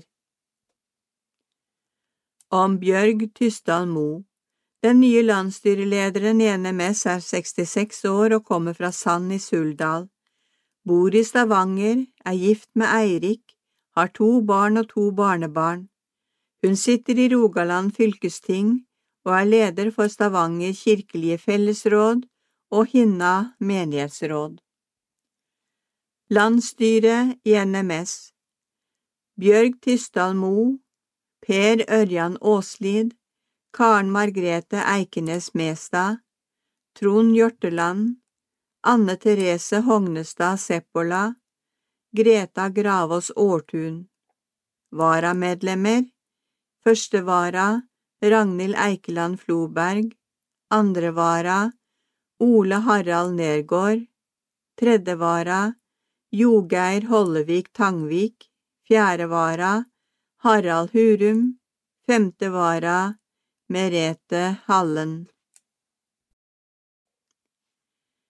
Til deg, du som arrangerte utlodning da julemessa ble avlyst, og du som lærte deg å bruke VIPS da koronapandemien kom, du som fulgte med på Facebook, du som ga ekstra gaver, du som gleder deg til det blir møter på bedehuset igjen, du som ber for misjon, du som har hjerte for barn i Etiopia, i Thailand, på Madagaskar eller andre steder, du som ikke ga opp, men fant på kreative løsninger, du som har holdt både deg selv og NMS gående gjennom et annerledes år.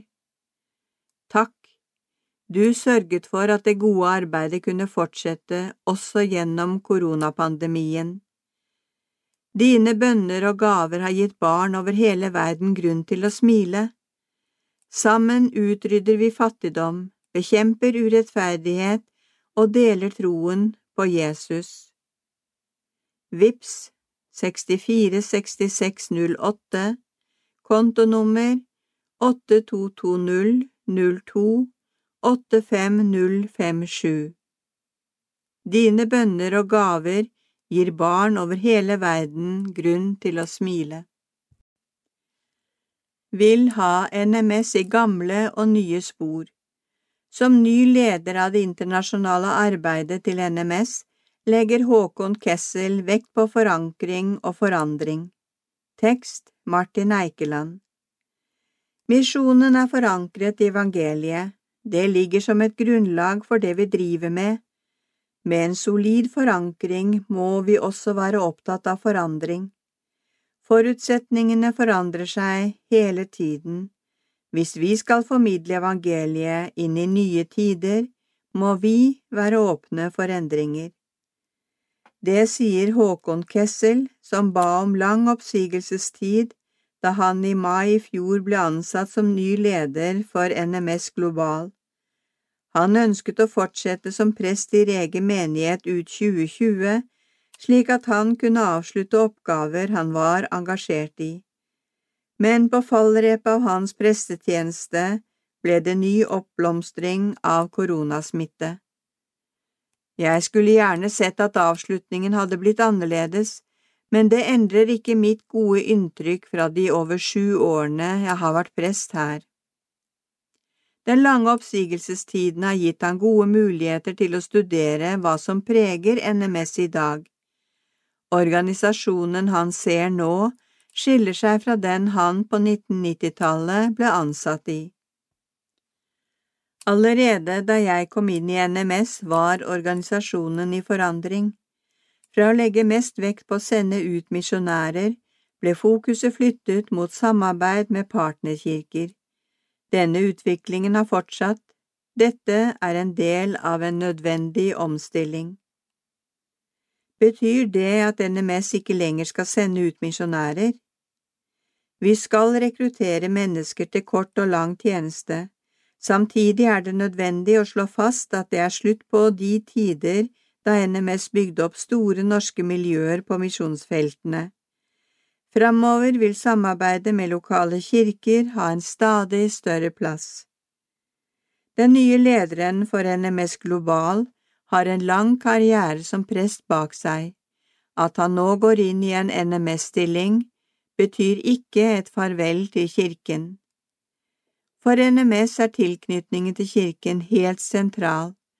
Framover blir det viktig å framholde at menighet og misjon er to sider av samme sak. Dette er et budskap vi må forkynne inn i menighetene til Den norske kirke. Hva er misjon i dag? Jeg synes NMS har formulert dette godt gjennom sine tre fokusområder, at vi skal dele troen på Jesus, bekjempe urettferdighet og bidra til å utrydde fattigdom. Snakker NMS fortsatt om kall? Erfaringene har vist at kallsforståelse kan bli misforstått, for eksempel har det gått utover misjonærbarn, men det betyr ikke at vi ikke skal snakke om kall. Misjonen har gjennom alle tider vært båret fram av enkeltpersoner som bærer på et indre kall. Samtidig har kirken et kall til å dele troen ut av menighetene. En tosidig forståelse av kallet er det viktig å legge vekt på, sier Håkon Kessel. Sorg ble snudd til håp og bordvers. Etter at Sven Klemetsby opplevde et brått og uventet dødsfall i familien for noen år tilbake, ble sorg snudd til håp og støtte til NMS sitt Estland-prosjekt. Andreas Dirdal Kydland for noen år siden opplevde den nå pensjonerte prosten i Nordre Sunnmøre prosti, Sven Klemetsby, å miste en fetter brått og uventet etter et hjerteinfarkt. Igjen satt familien med tomrom og mye sorg. Jeg begynte å tenke gjennom livet, hva er det som er viktig? Samtidig kjente jeg på takknemligheten for livet. Jeg ønsket gjerne et bordvers som samlet noe av dette, forteller Klemetsby. Det førte til at bordverset Takk o Gud ble til.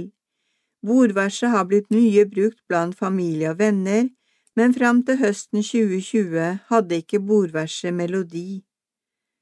Jeg kom i kontakt med kantor og komponist Eilert Tøsse og utfordret han til å sette melodi til bordverset. I høst fikk jeg en melodi tilbake, sier han. Men komponisten ønsket ikke betaling for oppdraget. I stedet oppfordret Tøsse Klemetsby om å gi en gave til en menighet eller organisasjon etter eget ønske.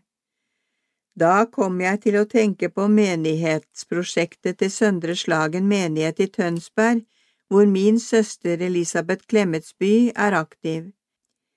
Menigheten støtter NMS sitt estlandsprosjekt, og dermed ble en økonomisk gave sendt til Estland. I dag støtter NMS ungdomsarbeidet i Den evangelisk-lutherske kirke i Estland, i tillegg til kirkebygging og menighetsplanting. NMS har også både misjonærer og ettåringer der. Selv har jeg et stort hjerte for de tidligere kommunistlandene. I min ungdom reiste jeg ut og inn med hjelp og bibler til jernteppelandene. Disse landene ligger mitt hjerte nært, og jeg kjenner en stor glede over at NMS støtter et så viktig arbeid, sier han. Estland misjonær Magne Mølster har latt seg berøre av historien og er glad for at en trist hendelse har blitt snudd til noe positivt. Dette bordverset er godt å synge og får fram den vide betydningen av brød i kristen tro, ikke minst her i Estland. Det er gøy å fylle meg med takknemlighet at forfatteren har tenkt på misjonsarbeid i Estland, sier han. Takk, o Gud, takk, o Gud, for livets gave, Takk for nåden i din Sønn. Herre, sign den mat vi deler, sign vår dag, Gud hør vår bønn. Tekst Sven Klemetsby, melodi Eilert Tøsse. Dagen da hun mistet alt. Ameni Bokonan greier ikke å få den skjebnesvangre dagen ut av hodet, dagen der framtiden hennes ble ødelagt. Tekst Marit Mjølsneset Hun forsto hva som skulle skje. Hun var 17 år og bodde i en liten landsby i Vest-Etiopia sammen med moren og de fire småsøsknene. Det skulle samles venner, naboer og familie rundt den lille hytta deres i ettermiddag. Folk var allerede i gang med å forberede mat og drikke da moren fortalte at i kveld skulle Ameni og de to yngre søstrene hennes bli omskåret. Ameni var redd. Hun hadde hørt historier om hva det betydde og hvor vondt det var, men hun visste at hun måtte gjennom det. Hvis ikke ville hun ikke bli en respektabel kvinne. Folk ville se rart på henne, og å gifte seg kunne hun bare glemme. Kjente ordtak sa dessuten at uomskårne kvinner var udugelige og ødela hjemmene sine. Selvsagt ville ikke hun bli slik, det ordtakene, visdomsordene og hviskingen i landsbyen ikke sa noe om, var alle konsekvensene og farene ved inngrepet, men det skulle Ameni snart få lære. Da omskjærerkvinnen kom den ettermiddagen, ble Ameni, småsøstrene, moren, tanten og to naboer som hadde som oppgave å holde for øynene deres, med inn i hytta. Ameni er først ut siden hun er eldst. Omskjæreren rekker å skjære både Ameni og den ene søsteren før de andre kvinnene forstår at noe er galt, fryktelig galt. Ameni fossblør, gulvet blir farget rødt. Omskjæreren har drukket mye før hun kom. Det blir stor oppstandelse i det lille rommet. Tanten til Ameni truer omskjæreren med å anmelde henne for drapsforsøk. Krangelen velter ut på gårdsplassen der feststemte gjester venter, alt mens Ameni først ligger og vrir seg i smerter, før hun kjenner kreftene ebbe sakte ut av kroppen.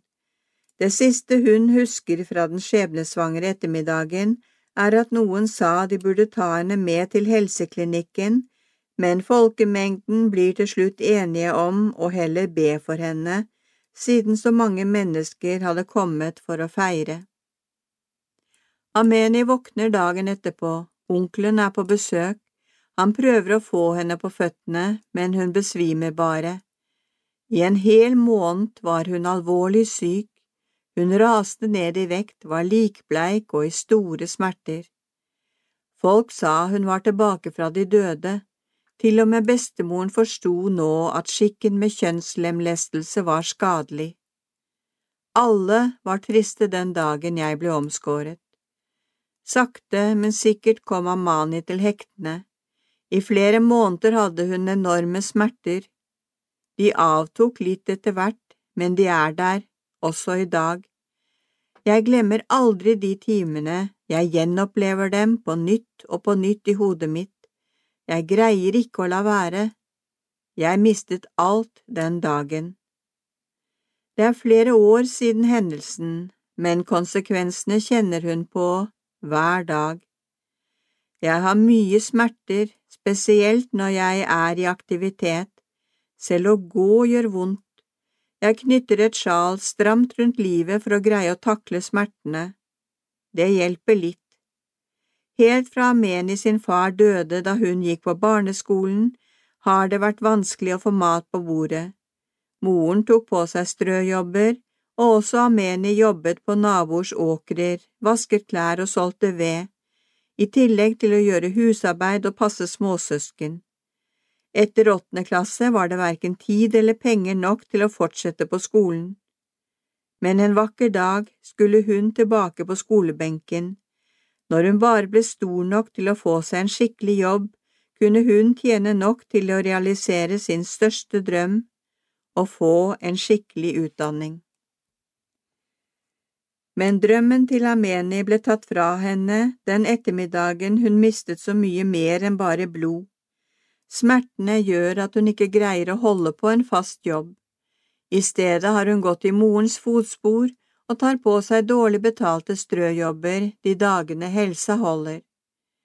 I fjor hadde hun spart opp nok til første innbetaling av skolepenger. Endelig så det ut til at drømmen kunne gå i oppfyllelse.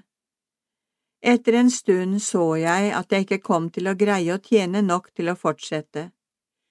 Ameni ser ned på hendene som ligger foldet i fanget. Skuffelsen er tydelig. Likevel har hun en annen drøm hun fester blikket på når hverdagen er tung. Drømmen om å kunne bruke sin egen historie til å hindre at det skal skje med flere.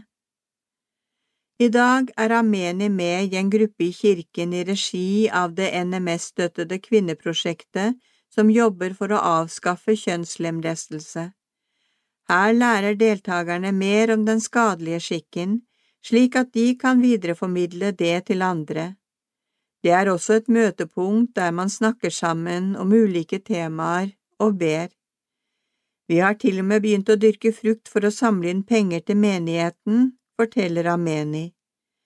Gruppen har gitt Ameni en plattform, og hun bruker den gjerne. Jeg forteller om det som har skjedd med meg til alle som vil høre. Jeg har snakket med naboer og familie, og jeg har til og med delt min historie i kirka. Jeg ser at det gjør inntrykk på folk, noen begynner å gråte, og jeg vet om flere jenter som har blitt spart for slike lidelser fordi jeg har fortalt. Derfor er jeg ikke redd eller flau for å snakke om det, og jeg kommer til å fortsette å kjempe imot kjønnslemlestelse.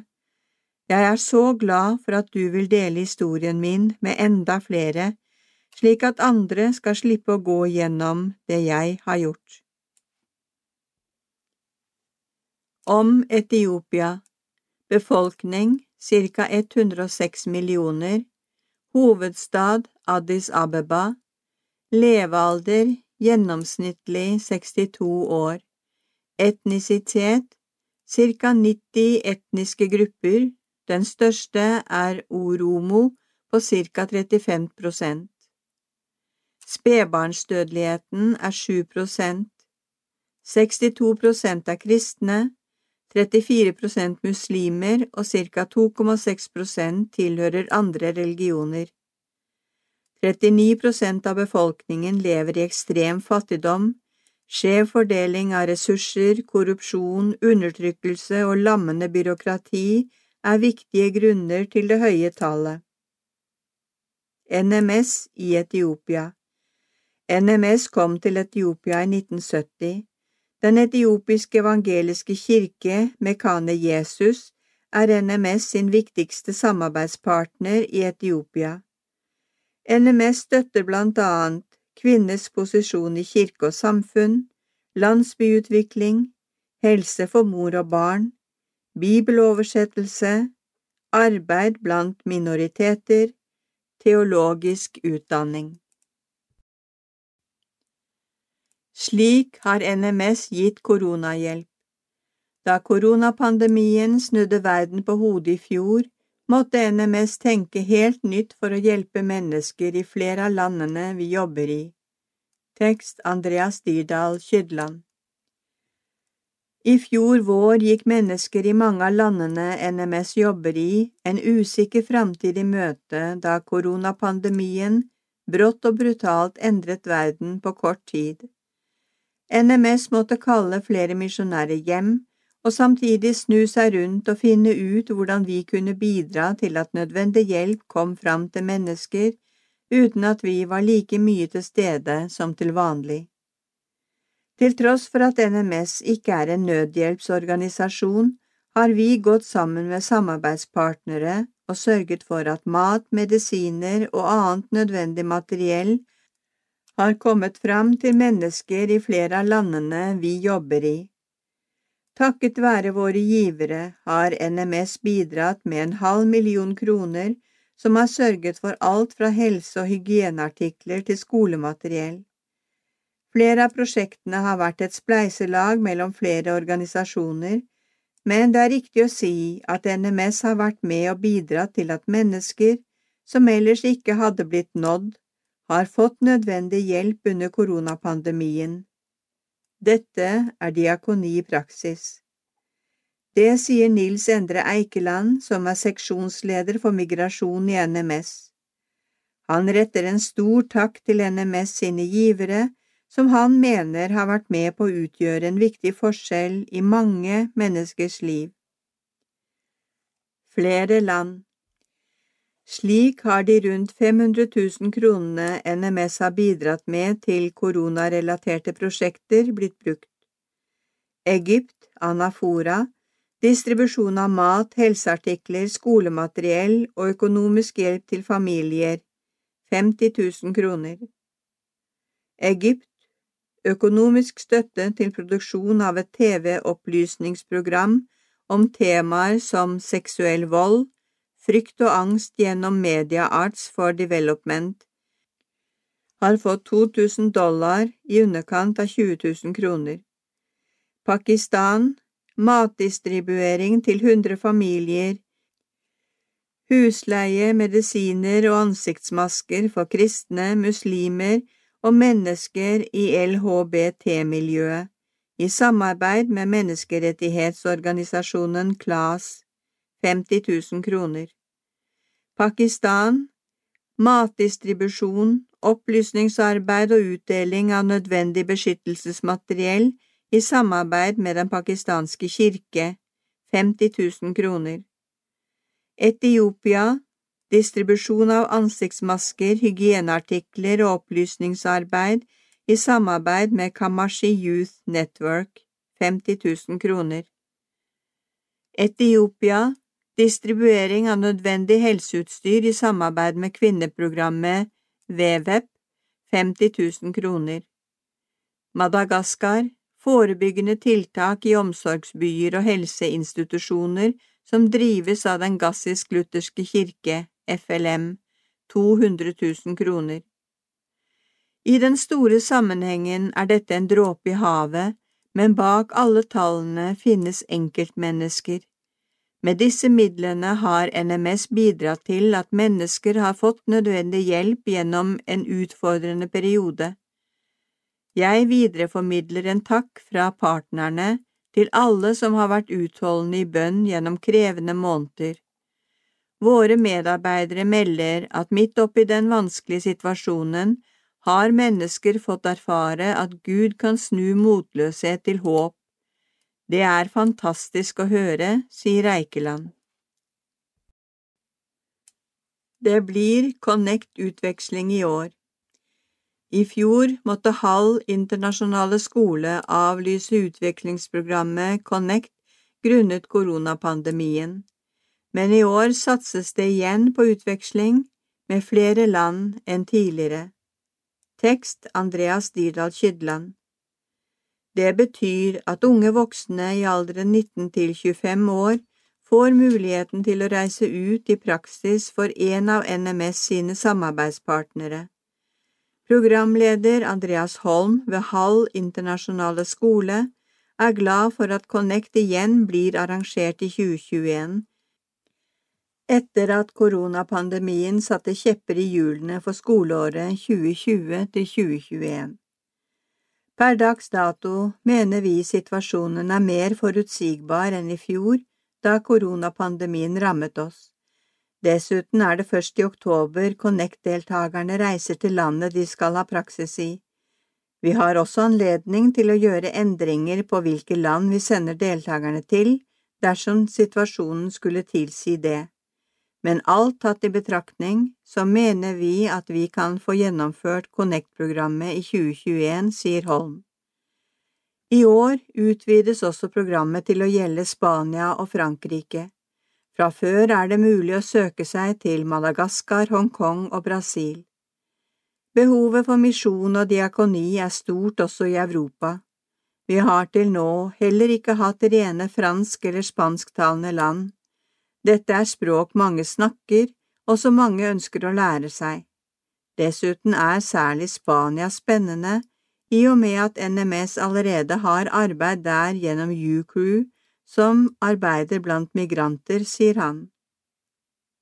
Mange har gode erfaringer gjennom Connect-programmet ved Hall internasjonale skole. To av dem er Kristoffer Byberg og Sine Mydland, som skoleåret 2018 til 2019 var i Brasil gjennom Connect-programmet. Her hadde de sin praksis i byene Juazeiro do Norte og Crato, nordøst i Brasil, for NMS samarbeidspartner Movimento Encontrao. De er begge glade for at det satses på Connect-programmet i år, og mener de som reiser ut har mye å glede seg til. Dette er en flott mulighet til å oppleve en annen kultur, sier Sine Mydland, som husker sitt første møte med Hall-studenter fra barndommen på besøk hos sin onkel som var misjonær for NMS i Laos. Da jeg mange år senere var ferdig med sosionomstudiene, foldet jeg hendene og spurte Gud hva jeg skulle gjøre videre med livet mitt. Like etter sendte onkel meg en melding hvor han skrev at han syntes jeg burde gå på hall, sier hun. Gjennom praksisen i Brasil fikk hun blant annet jobbe med bibelundervisning og bønnegrupper i tre forskjellige kirker. Jeg fikk være med på å starte opp en engelsktalende samtalegruppe. Jeg fikk også jobbe med en del sosialt arbeid og samtalearbeid med mennesker på gaten, forteller hun.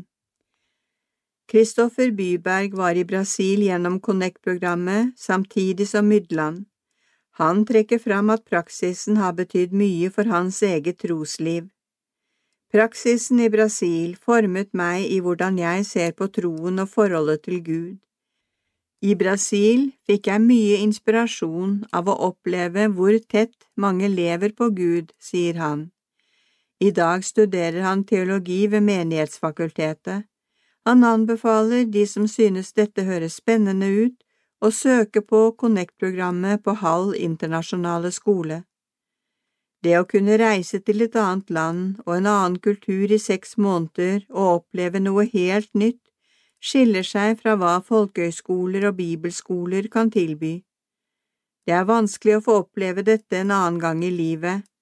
Du får oppleve mye, samtidig som du har et godt sikkerhetsnett rundt deg, sier han. Vil du vite mer? Gå inn på nettsiden hall.no slash connect. Her kan du lese mer om Connect og sende inn søknad. Tema Når talerstolen er på Facebook Koronapandemien har forandret mye av den kirkelige kommunikasjonen. Talestoler og TV-programmer har flyttet over til Facebook og Instagram. Gudstjenestene fra en bygdekirke på Jæren har blitt Norges mest besøkte. Mye har fungert godt, men hva skjer med kristen formidling når troslivet blir digitalisert? Betraktning av Rebekka Dvergastein Dale, høyskolelektor teologi ved Ansgar høgskole. Hva er kirkens viktigste oppgave nå? Kirken skal være synlig denne tiden. Nå kan vi endelig vise at kirken ikke er kirkebygget, men viser vi egentlig dette? Mange prester og pastorer, ofte de eneste ansatte i en menighet, bruker tiden sin på å være på nett. Den ene timen på søndag vi kaller gudstjeneste, som alltid har stått høyt i kurs, tar fokus, energi og kapasitet. Effekten blir merkbar, en ny bølge alle skal hive seg på. Å være på nett framstår nesten som den eneste løsningen i denne tiden med sosial distanse. Som teolog ser jeg med undring på det hele. Er det virkelig den viktigste oppgaven kirken og vi som representerer den skal fokusere på nå, å gå på nett? Kirke og det å være en troende i dag handler om så mye mer enn denne timen på søndag. Det handler om et liv som ligner han vi følger. Han som tok på de spedalske, ikke en oppfordring til berøring her, han som så dem ingen andre så, han som ga plassen med stor P til de minste. Dette er tiden for å være misjonale. Johannes 20 vers 21 Som Far har sendt meg, sender jeg dere. I denne krevende og sårbare tiden skjer nyskaping og kreativitet som aldri før. Artister strømmer, konserter, museer digitaliserer utstillinger, og flere enn noen gang før tar i bruk digitale verktøy. Vi lærer oss å holde møter uten å treffes, undervise digitalt og prøver ut nye digitale løsninger som aldri før. Det er med undring jeg ser på hvordan menigheter i denne tiden gjør det samme. Det kan virke som om hovedfokuset er å digitalisere gudstjenestene. Ansatte i små forsamlinger bruker masse tid på å lære seg å ta opp egenproduserte gudstjenester. Jeg skulle ønske ledere tok denne muligheten til å være kirke, ikke å være kirke på nett. I liminalfasen, antropolog Victor Turners forskning, skjer nyskaping. Liminalfasen er en mellomfase som kommer etter et stadium der man har vært adskilt fra samfunnet. Turner peker på at liminalfasen er en fase med store muligheter for kreativitet og transformasjon. Tenk om kirkene nå kunne brukt denne liminalfasen til å bli virkelig nyskapende, ikke til å samle mennesker som allerede tror, én time foran skjermen hver søndag. Det er ikke det viktigste i det å følge Han. Nå er tiden inne for ledere, prester og pastorer til å handle mat for de i karantene gå tur med de ensomme på én meters avstand, ringe de som er utsatte, komme med en liten videohilsen til menigheten filmet fra kjøkkenbordet, gi tips til egen bibellesing.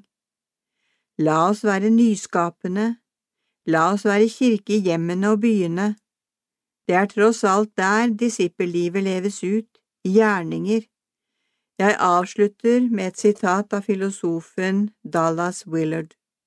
Sitat.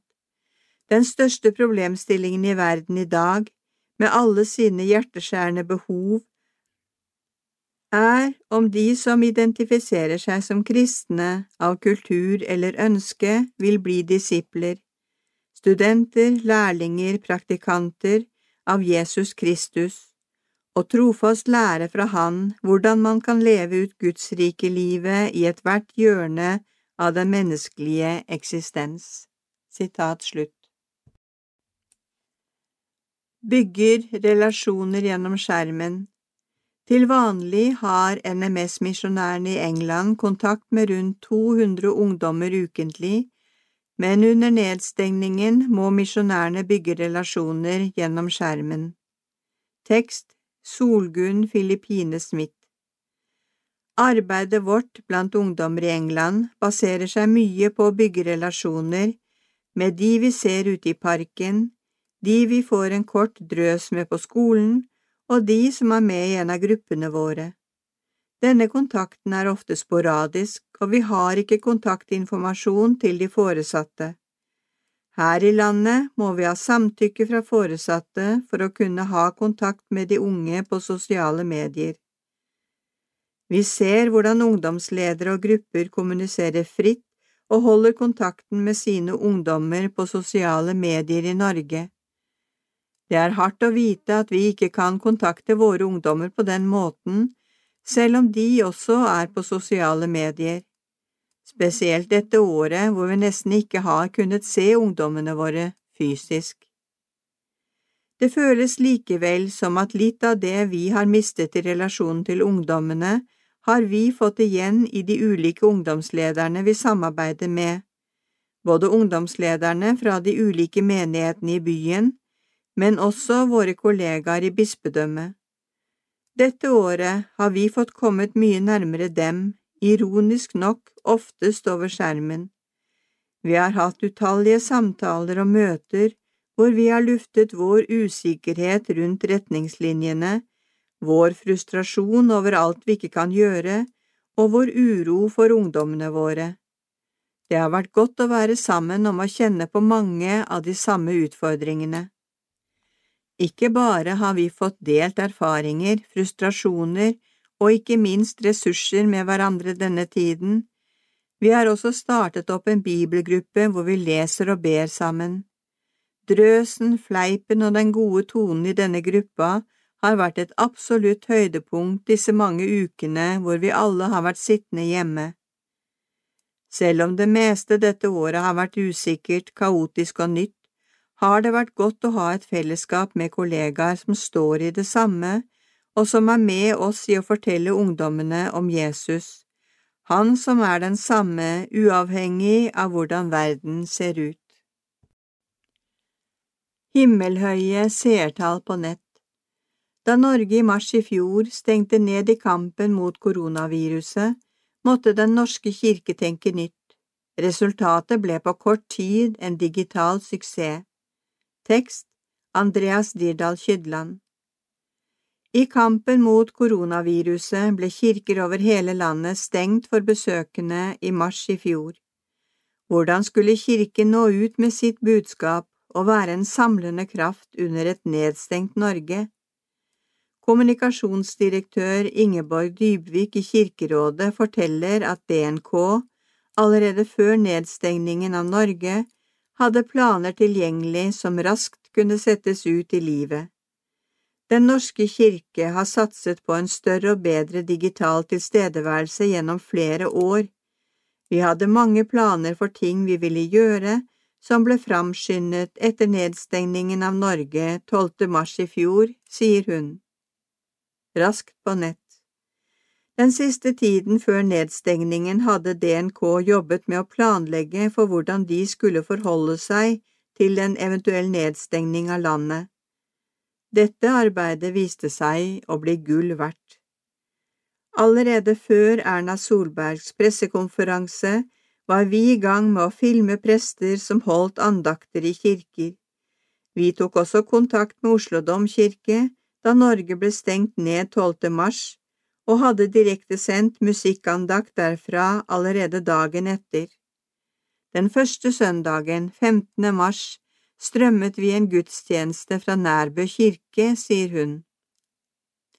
Den norske kirke kartla raskt hvilke menigheter som allerede hadde erfaringer med digital overføring av gudstjenester, og hadde dermed i løpet av få dager flere menigheter som produserte eget digitalt innhold.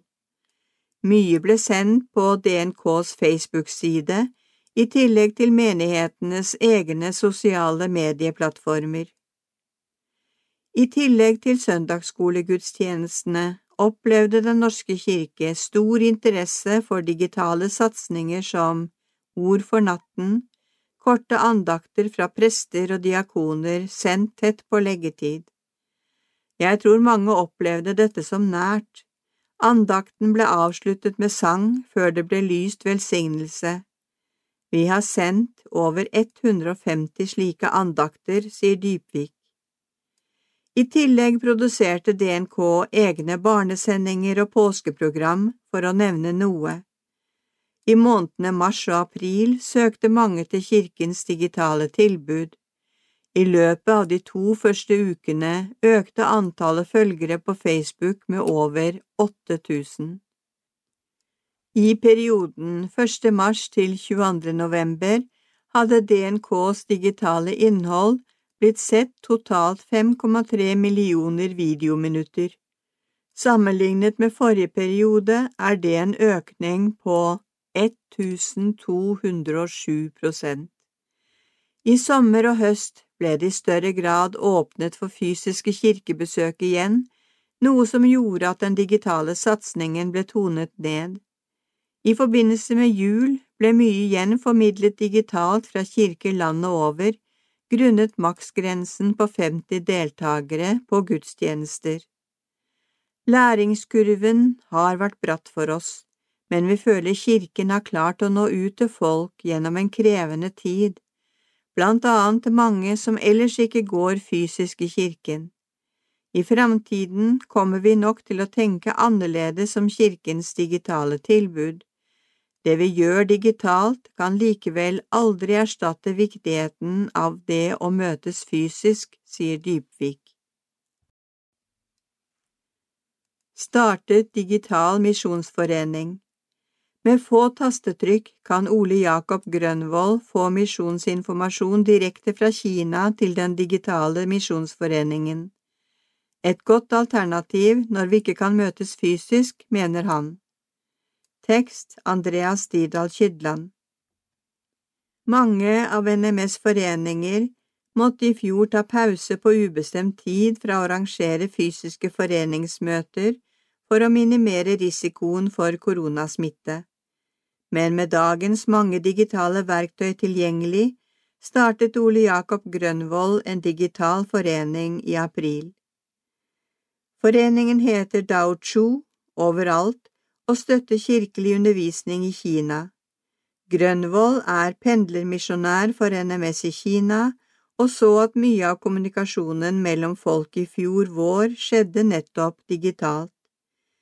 Vi har nå en forening som møtes digitalt hver første tirsdag i måneden, med hovedfokus på misjonsarbeidet i Kina.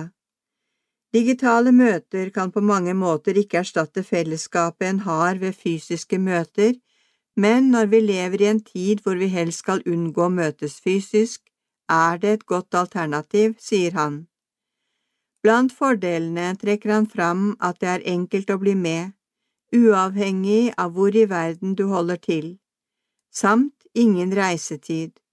Tilgangen på informasjon mener han også er en helt annen.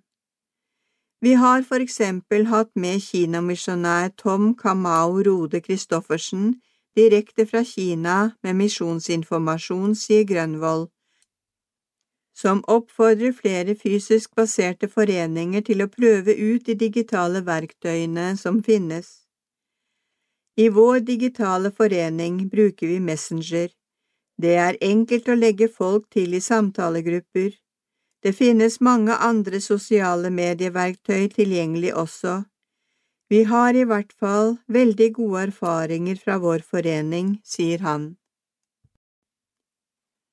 Bønn på nye måter Da koronaen rammet oss i vår, kom ideen om digitale bønnegrupper.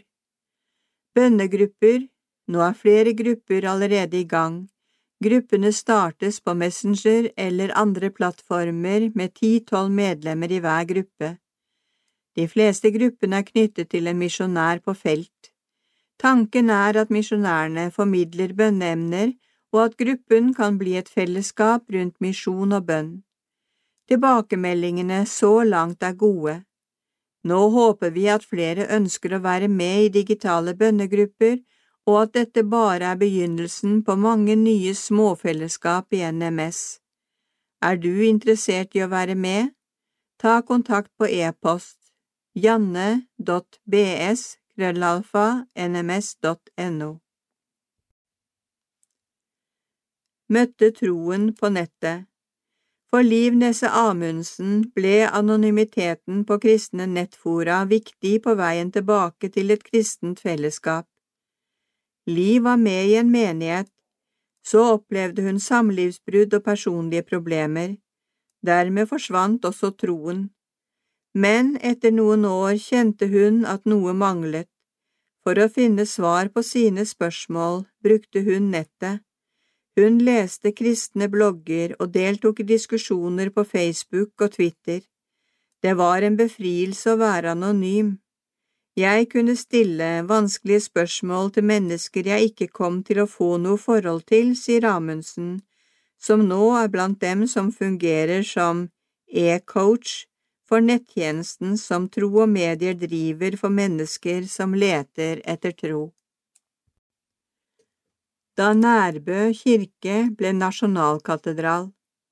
Det er helt vanlig at det er mye folk i Nærbø kirke søndag formiddag, men etter at koronarestriksjonene stengte Norge i mars, ble plutselig gudstjenestene fra kirken de best besøkte i hele landet. Tekst Martin Eikeland Hemmeligheten bak den eksplosive kirkeveksten er digital. Etter 12. mars stengte alle landets kirker, men på Nærbø sto en gjeng dyktige ungdommer klare til å sende gudstjenesten på Facebook og YouTube. Vi hadde holdt på en stund med å sende våre gudstjenester ut på Facebook. Vanligvis var det et sted mellom 15 og 20 som så de digitale sendingene.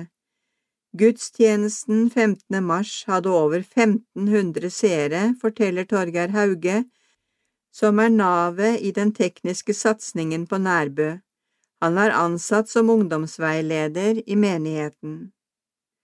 Etter at regjeringen stengte ned landet 12. mars, ble vi raskt enige om at vi skulle gjennomføre den planlagte visningen av gudstjenesten. Ryktet om dette spredde seg raskt, Snart ringte lokalavisen Jærbladet og spurte om også de kunne bruke vår Facebook-sending på sin side. Deretter fikk vi en telefon fra Kirkerådet som spurte om det samme. Søndag formiddag var det over 1500 mennesker som fulgte gudstjenesten, humrer Hauge fornøyd. Han forteller at omkring tusen av seerne kom via Den norske kirkes hjemmeside, mens 500 fulgte gudstjenesten hos Jærbladet. Historien om hvordan Nærbø kirke plutselig fikk landets best besøkte gudstjenester, begynte noen år tidligere. Torgeir Hauge, som kom fra misjonærstilling i NLM i Japan, sonderte terrenget for hva som kunne være spennende å satse på for menigheten. Det var allerede ungdommer som var interessert i teknikk og bilder. Med stort pågangsmot og teknisk interesse undersøkte Hauge landskapet for flerkameraproduksjon. Han søkte også om penger fra Sparebankstiftelsen SR-Bank og andre finansieringskilder. Resultatet ble en gruppe på omkring ti ungdommer som hadde teknisk utstyr og mange ideer til rådighet. Arbeidet med teknikk og video og de greiene der fenger en del ungdommer, spesielt gutter.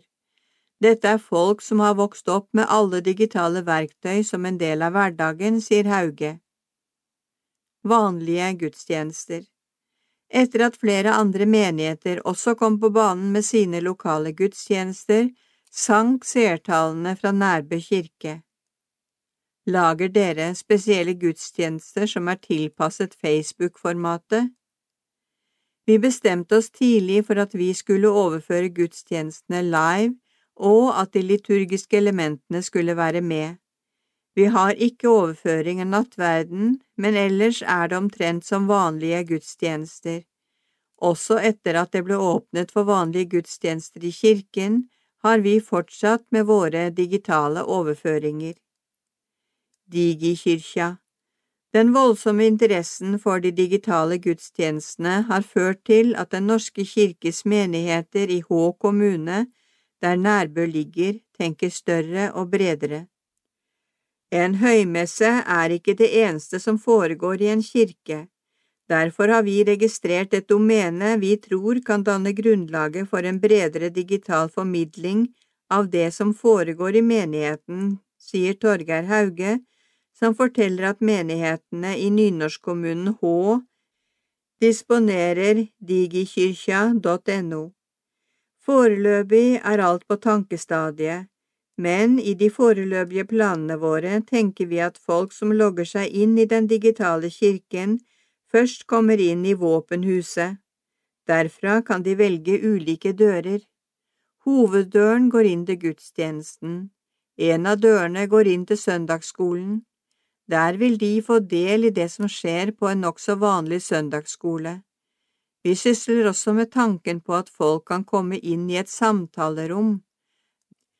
Her vil de møte veiledere som kan hjelpe dem med tanker og spørsmål som de har om kristen tro og det livet de lever. Ungdomsrommet Men hva med ungdomsarbeidet? Kan en digital kirke erstatte de kirkelige ungdomsklubbene og korøvelsene? Da regjeringen innførte nye restriksjoner i høst, måtte vi avlyse alle planlagte ungdomsarrangementer. I den situasjonen laget vi en ungdomskveld på nettet, der vi blant annet hadde basar til inntekt for menighetens misjonsprosjekt. Det ble mye god stemning og mye penger ut av den kvelden, folk var fornøyde, men vi er fullstendig klar over at slike digitale løsninger ikke kan erstatte de fysiske møtestedene for ungdom, sier Hauge, som forteller om en voldsom vekst i deltakertallet på ungdomsklubben Reload etter at den første nedstengningen ble opphevet. Før restriksjonene ble innført, kom det gjerne 70–80 ungdommer disse kveldene. Etter at det ble mulig å samles fysisk igjen, har det vært opp mot 160 ungdommer i kirken. Det viser at det ikke er nok med digitale løsninger, sier ungdomsveileder Torgeir Hauge i Nærbø kirke. Digital suksess uten egen Facebook og Instagram Egil Svartdal er en av Kristen-Norges mest kjente forkynnere. Det siste året har han hatt stor suksess som digital pastor gjennom plussord på Facebook og Instagram. Tekst Martin Eikeland, foto TV Inter. Tenk at jeg skulle bli kjendis også på sosiale medier, jeg som verken er på Facebook eller Instagram selv, humrer Svartdal. Det er TV Inter som står bak plussord.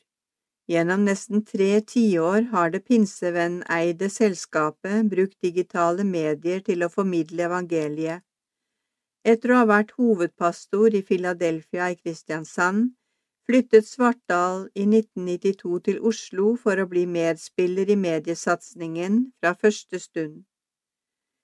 I mange år var TV Inter hoffleverandør av religiøse programmer til TV 2, med programtitler som Gudesens konditori, Pastor på prøve, Søndagsåpent og Reisen hjem har TV-pastoren vært en velkjent gjest i mange norske stuer. Gjennom TV Inter har vi hele tiden vært på jakt etter åpne dører der evangeliet kan bli forkynt og formidlet. Vi har hatt mange spennende prosjekter på TV 2. Fra tilbakemeldingene vet jeg at programmene har truffet og berørt mange. Trangere hos TV 2 at tidene endrer seg, kjenner mange til både fra Bibelen og gjennom egen erfaring. For TV Inter ble inngangsporten til TV 2 stadig trangere. Mange av konseptene som ble lagt fram for kanalen, ble forkastet. Når én dør lukker seg, åpnes det alltid en ny. Lineær TV opplever sterk nedgang. Når vi i en slik nedgangstid ikke får inn programmene våre her, betyr det at tiden er inne for andre løsninger. Vi har i mange år snakket om å øke tilstedeværelsen vår på sosiale medier. Nå kom vi i en situasjon der vi nærmest ble tvunget til å tenke i de baner. Frontfigur Da ideene om forkynnelse på sosiale medier dukket opp, tenkte den 66 år gamle TV-pastoren at han kunne trekke seg noe tilbake. Hans eneste erfaring med slike medier var en Snapchat-gruppe der familien deler bilder og kommentarer. Gjennom mange år har jeg fått stor oppmerksomhet både som TV-pastor, forkynner på store møter og forfatter. Selv om jeg ikke kan si at jeg misliker oppmerksomhet, tenker jeg at nå var tiden inne for å trekke meg tilbake litt. Min tanke var at en gammel mann som meg kanskje ikke var den rette for digitale medier. Men slik skulle det ikke gå. For TV Inter er han en solid merkevare. Det meste av det han setter sitt stempel på, viser seg å bli suksess. Derfor lot han seg overtale til å bli Facebook-pastor og Insta-pastor. TV Inter lanserte plussord høsten 2019. Hver eneste dag i 365 dager har Svartdal dukket opp på de digitale flater med en miniandakt på ett minutt som også inneholder et bibelord og velsignelsen. I snitt har 20 000 mennesker hver eneste dag vært innom for å få med seg plussordet fra den digitale pastoren. Hver uke har et ukestema. På søndagen oppsummerer Svartdal dette temaet i en preken på mellom fem og sju minutter. Nødvendig omstilling Du har vært med på ganske mange faser som forkynner, først som menighetspastor med egen talerstol, deretter gjennom TV-programmer, gjerne med reflekterende samtaler, til et format hvor du ikke kan snakke mer enn ett minutt. Hvordan har dette vært? Det har egentlig vært problemfritt. I det formatet jeg nå forkynner gjennom, er tidsbegrensningen avgjørende. For at Instagram-brukerne skal få med seg hele andakten uten å bla videre, må vi holde oss innenfor ett minutt. Den korte tiden vi har til rådighet, medfører at jeg må bruke mer tid på hvert eneste ord. Å skrive en slik andakt er omtrent som å skrive et vers til en salme. Det tar tid, men salmen kan gjøre mye med de som hører den. Etter å ha hatt plussordscenen alene i 365 dager, deler Svartdal nå oppmerksomheten med tre andre Sunniva Gylver, Andreas Hegertun og Lisa Børu. Dette er slik jeg ønsker at det skal være. Det er umulig for et menneske å ha ansvaret gjennom flere år. Når vi nå har fått inn flere bidragsytere, har vi fått en større bredde både når det gjelder kirketilknytning og kjønn. Fellesmøter Når denne utgaven av Misjonstidene leses, har Egil Svartdal en pause fra den digitale virkeligheten. Han er hovedtaler under fellesmøtene i Kristiansand. Mye tyder på at han vil tale til en tom sal, og at tilhørerne følger forkynnelsen digitalt. Jeg skulle gjerne hatt folk i salen, men som forkynner og evangelist er jeg mest opptatt av at budskapet kommer ut. Om det skjer i en møtesal, via TV-skjermen eller på en mobiltelefon, er egentlig det samme, sier Egil Svartdal. Har menigheten med seg i lommen om kristne fulanier. Kristne fulanier over hele Vest-Afrika møtes gjennom mobiltelefonen. Tekst Stina Margrethe Ånderå Nergård de siste ti årene har mobiltelefon med internettilgang blitt allemannseie, også i Afrika. Det åpner nye muligheter for å kunne dele tro og liv på tvers av grenser. Bora og Ali bor i hver sin by i Sentral-Mali. Begge er kristne fulanier. Den 30. mars i fjor lagde de en gruppe på WhatsApp som de kalte for Gruppen for Kristi disipler i Sahel. De begynte å invitere kristne fulanier de kjente, både fra Mali og fra andre land, inn i gruppen. Målet med gruppen er å forkynne evangeliet og gjøre disipler, sier Ali. 152 medlemmer fra 18 land. I Mali er det få fulanier som er kristne. Det er også veldig mye uro i Mali som gjør det vanskelig å reise fritt rundt i landet. Med koronapandemien på toppen kjente vi på et behov for å styrke både vår egen og andres tro, sier Bora. Han forteller at hensikten med gruppa er at kristne fulanier, som ofte er alene som kristne der de bor, skal vite om hverandre, holde sammen og styrke og oppmuntre hverandre til å dele evangeliet videre slik at flere fulanier blir kristne. Det ble snart tydelig at mange hadde lyst til å være med i en slik gruppe. Ni måneder senere hadde gruppen 152 medlemmer fra 18 land. De som er med i gruppen er kristne fulanier og andre som snakker fulani og har arbeidet med misjon blant fulanier, forteller Ali. Også noen vestlige misjonærer er med i gruppen. Vi hadde aldri trodd vi skulle få med så mange, men nå tror vi at gruppen vil vokse seg enda større, sier Bora. Det er høy aktivitet i gruppen. Fra 20 til 40 meldinger postes der hvert døgn. Både bibelvers, andakter, sanger, bønner og videoklipp er vanlig å dele. De fleste velger å snakke inn meldingene de sender som lydopptak. Noen er kanskje ikke skrivekyndige, andre har ikke tastatur som kan skrive de spesielle bokstavene i fulani-alfabetet. Det aller meste deles på fulani-språket, selv om det kan dukke opp en og annen melding på fransk også. Det som deles er til stor oppmuntring for oss som er med i gruppa, sier Bora og Ali. De har fått med seg noen av medlemmene til å være et slags styre for gruppen. Styret kommuniserer også via WhatsApp. De diskuterer for eksempel hvordan de kan få flere kvinner til å bli med, for nå er det bare sju kvinner som er med i gruppen. En annen plan er å begynne med egne bønne- og fastedager for alle i gruppen. Daglige andakter Ali er president for gruppen. Hver uke legger han ut en liste over hvem som skal ha ord for dagen. På den måten vet alle at det kommer minst én andakt å lytte til hver eneste dag.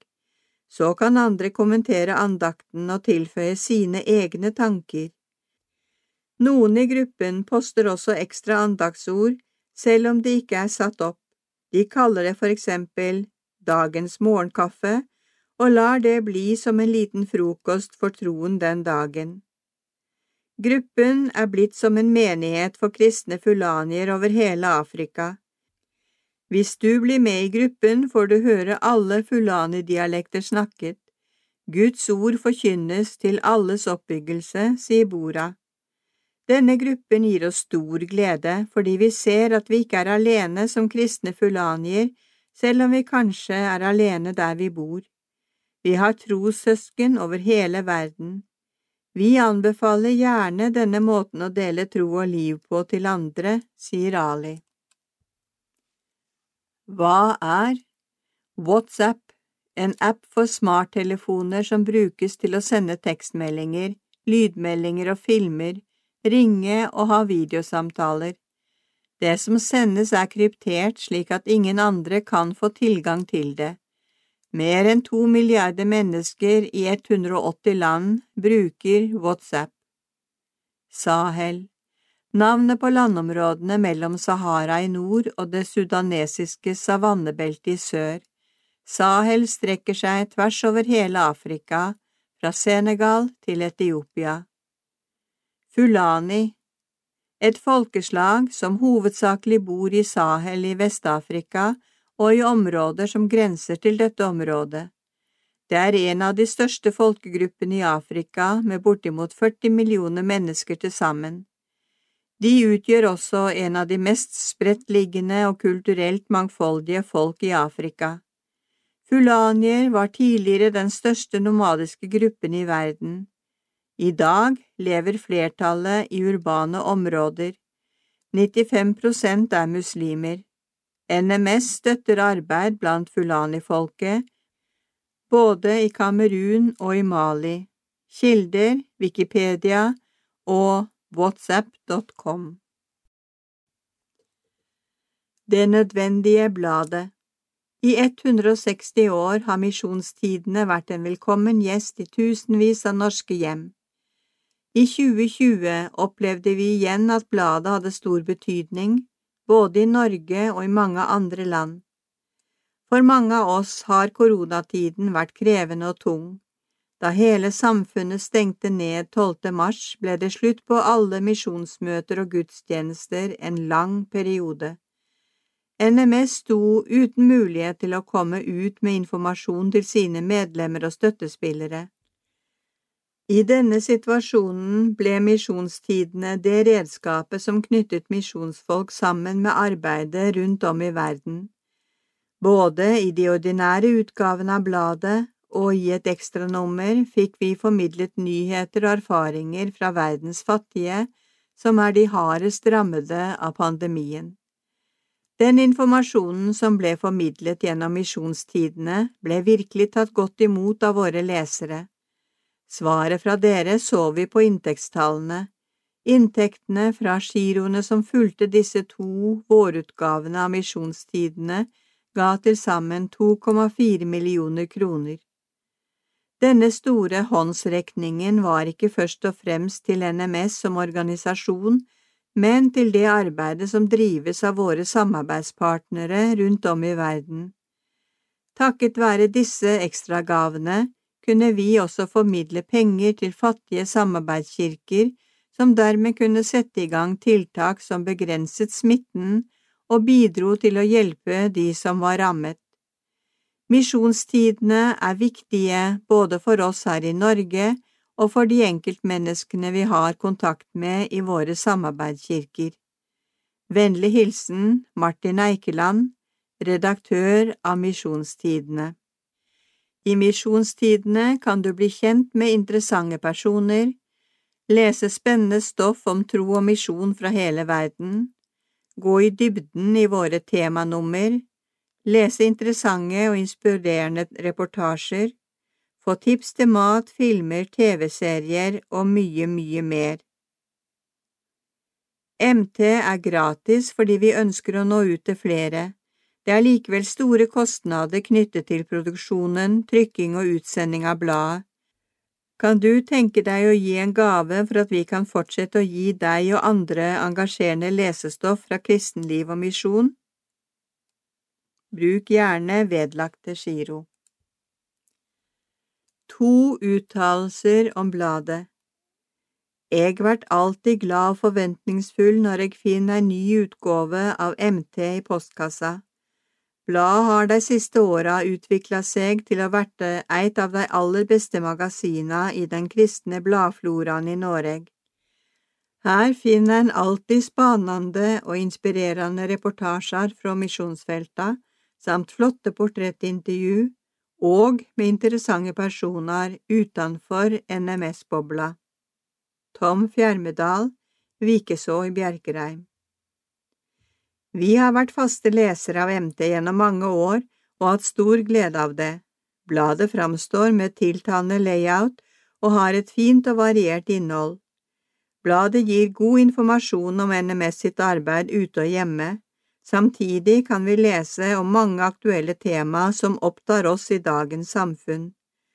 Vår oppfordring er bli abonnent og gi bladet i gave. Greta og Bent A. Seland, Lyngdal Innvik Fjordhotell Arrangement våren 2021 5.–7. mars Kvinnehelg i regi av Kvinner i nettverk Talarar Elin Linde Fagerbakke og Gunvor Andersen. Lovsangsteam Ålesund Vineyard. Se mer på kvinnerinettverk.no. 31. mars til 5. april Påske ved fjord og fjell. Kurt og Reidun Hjemdal. Start onsdag klokken 18. Slutt andre påskedag etter frokost. En kan delta på hele eller deler av opplegget. For informasjon og påmelding telefon 57 87 49 90 eller post post krøllalfa innvikfjordhotell.no internett www.innvikfjordhotell.no Frimerker er fortsatt god butikk. Ved flere NMS gjenbrukbutikker er etterspørselen etter postkort og frimerker langt større enn det butikkene klarer å tilby. Tekst Andreas Dirdal Kydland Postkort og frimerker er på mange måter avleggs, i hvert fall som kommunikasjonsmiddel. Teknologiske tjenester som e-post, Facebook-meldinger og lignende har i stor grad erstattet de tidligere kommunikasjonsmåtene. For samlere er postkort og frimerker fremdeles av stor interesse. Ved noen av NMS gjenbruksbutikker forsvinner disse varene ut på kort tid etter de har kommet inn. Særlig frimerker fra 1960-tallet og eldre er av stor interesse, sier Bjørn Arild Hansen, som er styreleder ved NMS Gjenbruk i Flekkefjord. Han får regelmessige forsendelser med frimerker fra NMS hovedkontor i Stavanger, som er et av stedene folk kan levere frimerker. I tillegg kommer innleveringer til butikken i Flekkefjord. Frimerkene pakkes i poser på 200 gram og blir raskt solgt i butikken til samlere. NMS har også i sin tid laget et frimerke som nå er svært kostbart. Jeg tror det ble brukt på brev fra Madagaskar til Norge. Dersom noen sitter på et slikt, så hadde det vært supert, sier han. Utenlandske gamle misjonsbrev fra Kina og Afrika er noe som er populært for samlere. Det samme er julekort av den eldre sorten, særlig postkort med motiver fra Kjell Aukrust, Torbjørn Egner og andre kunstnere. Stedskort fra by og land er det også etterspørsel etter, særlig sort-hvitt-kort. Bruksbrev med pene stempler og firmalogo er også lette å selge. Som en tommelfingerregel når det gjelder postkort og brev av eldre årgang fra 1960 og eldre, så er det viktig at frimerket ikke klippes av, men blir værende på, sier han. Mange flotte postkort har dessverre blitt ødelagt ved at frimerket er fjernet. Også ved NMS gjenbruk i Hillevåg utenfor Stavanger er etterspørselen etter frimerket stor, forteller Harald Figved. Han er frivillig i butikken og har nylig vært hos NMS sin hovedadministrasjon og hentet en full bærepose med frimerker. Under et døgn etter han hentet bæreposen med frimerker, er alt sammen solgt. Det er fortsatt mange som samler på frimerker. Vi oppfordrer alle til å enten levere frimerker direkte til gjenbruksbutikken, NMS sitt hovedkontor, eller til andre NMS gjenbrukbutikker i Norge som selger frimerker, sier Figved. I 2019 ble det ved NMS gjenbruk i Hillevåg solgt frimerker for godt over 80 000 kroner, men potensialet er langt større. Vi får ikke inn nok frimerker til å dekke den store etterspørselen. Mange frimerker blir trolig kastet, særlig når det ryddes opp i dødsbo og lignende. Jeg håper alle som leser dette, gjør folk de kjenner oppmerksomme på at frimerkene har stor verdi for NMS gjenbruk, sier Figved. Han har selv samlet på frimerker hele livet, men understreker at han på ingen måte er en storsamler. Han holder seg oppdatert på priser og trender gjennom kataloger og lignende. Vi samler frimerker i poser på et halvt kilo hver som selges for 100 kroner. Dersom det dukker opp sjeldne frimerker, tas disse ut og selges enkeltvis. Vi opplever ofte at folk kjøper en halvkilospose, tar ut de frimerkene de vil ha, og leverer frimerkene tilbake slik at vi kan selge dem igjen, sier han, og legger til at gjenbruksbutikken også opplever stor etterspørsel etter gamle postkort, særlig med lokale motiver. Også her er etterspørselen større enn hva vi klarer å dekke, sier han. Ved NMS gjenbruk i Drammen opplever Leif Asle Hagen at det titt og ofte kommer nye forsyninger med frimerker til butikken. Her er det som oftest nok frimerker tilgjengelig til å imøtekomme etterspørselen. Vi er heldige og har en del snille frimerkesamlere og misjonsvenner som rydder i egne samlinger og leverer til oss. I tillegg spiller det nok litt inn at en del eldre er mer forsiktige med tanke på å gå ut på grunn av koronapandemien. At gjenbruksbutikken i Drammen tar imot og selger frimerker, mener han er med på å trekke flere til butikken. Det er en del som kommer innom for å kikke i frimerkeutvalget, som gjerne finner helt andre ting i butikken de kjøper, sier han. Per midten av november hadde gjenbruksbutikken i Drammen slått inn frimerkesalg for litt i underkant av 20 000 kroner. Det synes jeg er kjempebra. Selv har jeg funnet tilbake til samlegleden etter vi startet med salg av frimerker i gjenbruksbutikken. Det er fascinerende å se hva folk samler på. Noen samler på spesielle motiver, som for eksempel fugler. Andre samler gjerne på stemplene på frimerkene, og kanskje til og med kun stempler fra sin egen bursdag, sier han. Lever inn frimerker. Alle NMS gjenbruksbutikker tar imot brukte frimerker, noen selger disse videre i passelige forpakninger, andre sender de videre til NMS hovedkontor i Stavanger, hvor de blir distribuert videre til butikker som lager forpakninger og selger disse i butikken. Det er også mulig å sende brukte frimerker direkte til vårt hovedkontor i Stavanger dersom det ikke er en NMS gjenbrukbutikk i nærheten. Brukte frimerker kan sendes i vanlige konvolutter til følgende adresse NMS Gjenbruk, postboks 226 Sentrum, 4001 Stavanger. Portrett TV-profil La kristne verdier styre valgene Amalie Snøløs er en av de mest innflytelsesrike influenserne i Norge. Med over 230 000 følgere på Instagram står hun på en talerstol med flere tilhørere enn biskoper og predikanter kan drømme om.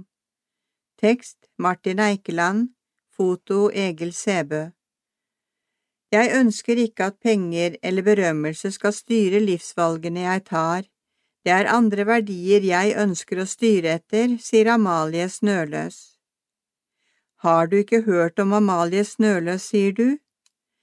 Det kan kanskje hende, for mange av MTs lesere er ikke i den aldersgruppen hun er mest kjent blant, men blant tenåringer og unge voksne har hun et kjent navn med bakgrunn som Farmen og Skal vi danse-deltaker og programleder for et e-sportprogram, Blipp versus Snøløs på TV 2, er det mange som vet hvordan hun ser ut. Du er jo kjent blant svært mange mennesker, hva vil du si er din yrkestittel? Du kan kanskje kalle meg en TV-profil, andre sier at jeg er en influenser, selv liker jeg best å kalle meg for en skaper eller gründer. Med det jeg holder på med, skaper jeg noe, blant annet min egen arbeidsplass. Amalie ankommer intervjuavtalen i sentrum av Kristiansand i god tid før avtalt tidspunkt.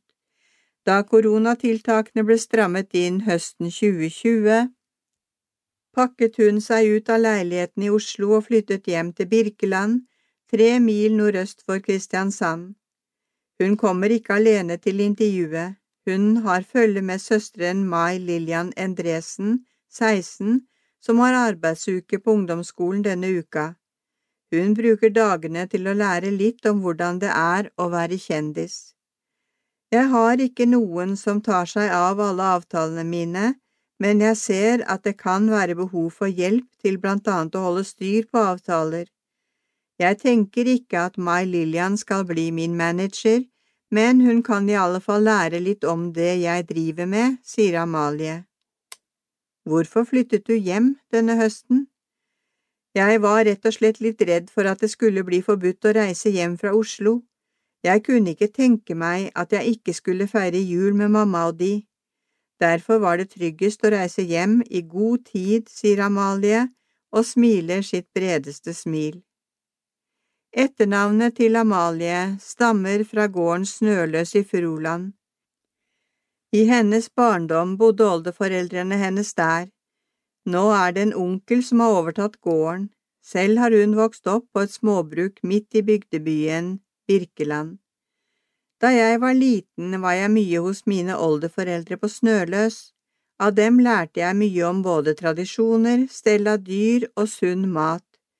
Det er ingen tvil om at det jeg fikk med meg fra Snøløs, har preget meg. Da Amalie var ferdig med videregående skole, lå flere tradisjonelle muligheter åpne for henne. Hun var en lovende fotballspiller som kunne satse til den retningen, dessuten var vitnemålet hennes slik at muligheten for å studere psykologi i Bergen var innen rekkevidde. Da jeg sto i den situasjonen, tenkte jeg at det er riktig for meg å tenke litt ut av de tradisjonelle boksene, derfor bestemte jeg meg for å melde meg på Farmen. Det er jo noe helt annet enn både idrett og studier. I løpet av de 70 dagene jeg var på gården, lærte jeg mye om livet og om meg selv. Da jeg så hvilke muligheter som åpnet seg for meg etter at farmen var slutt, bestemte jeg meg for å bruke noen av disse mulighetene, forteller hun. Hvordan var livet inne på farmen? Det var et veldig bra liv. Vi hadde jo ingen mobiltelefoner, vi kunne ikke se TV eller høre på radio, vi hadde heller ikke klokke, det sier seg selv at et slikt liv blir ganske annerledes enn det jeg ellers levde. For meg var det en befrielse å bare være opptatt av det helt elementære. Jeg tror mange andre ungdommer kunne ha godt av tre mobilfrie måneder. Amalie forteller at foreldrene i forkant av Farmen-oppholdet var engstelige for at datteren skulle falle ut med noen av de andre deltakerne. Jeg er nokså direkte av meg, jeg er ikke redd for å si hva jeg mener. Mamma og pappa var redde for at jeg skulle komme i konflikter på grunn av det, men det skjedde ikke. Kanskje la jeg ubevisst litt bånd på meg. Før jeg flyttet inn på gården hadde jeg bestemt meg for at jeg ikke skulle baksnakke noen av de andre eller forsøke å ødelegge for dem. Det var et verdivalg for meg, sier Amalie var du flau over at jeg var med på Farmen, Mai Lillian? Det var litt begge deler, jeg var litt redd for at du skulle dumme deg ut, men da jeg så at det gikk fint, ble jeg mer stolt, svarer søsteren. Når Amalie snakker om verdier, legger hun ikke skjul på at disse verdiene er hentet fra kristentroen. Hun har vokst opp i en kristen familie, men ble ikke døpt før hun selv valgte det i en alder av seks år.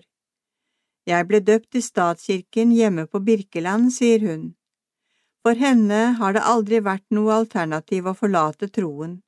Troen er en trygghet hun kan hvile seg på. Livet kan ha mange utfordringer, men jeg kan alltid vite at jeg har en far i himmelen. Den troen jeg hadde som barn har endret seg med årene. Fra jeg begynte å se på bildene i barnebibelen, til at jeg nå reflekterer over vanskelige tekster fra Johannes' åpenbaring, går det en linje. Troen er en del av min livsreise. For mange av leserne av MT er nok navnet Lisa Børud atskillig mer kjent enn Amalie Snøløs. Nå har de to kristne ungjentene slått seg sammen om en podkast som heter Snøløs Børud. Lisa og jeg ble kjent etter vi begynte å prate med hverandre gjennom Instagram. Etter hvert ble vi gode venninner. Da dukket ideen om å starte en podkast opp. Vi sier ikke at det er en kristen podkast, men siden vi begge er kristne, kommer det jo fram i det vi snakker om. Hvordan? Vi snakker for eksempel om tro og om sex, da blir det jo klart at vi begge har kristne verdier. Får dere mye hjelp av andre til å lage denne podkasten? Innholdet skaper vi helt selv, men vi er så heldige at vi får bruke kontorer i Verbum, Bibelselskapets forlag, når vi jobber med dette. Dessuten er det en fra Filadelfia-kirken som legger det ut for oss. Hvorfor har du ikke stått fram med din kristne tro før nå? Jeg har aldri lagt skjul på at jeg er kristen, men har ikke hatt behov for å snakke så høyt om det. Det ligger ikke helt for meg å løpe rundt i gatene med en høyttaler og skrike ut at folk må bli frelst. Det er ikke min stil. Når det kommer til evangelisering og disippelgjøring, tenker jeg at jeg skal være meg selv og snakke om troen når det er naturlig.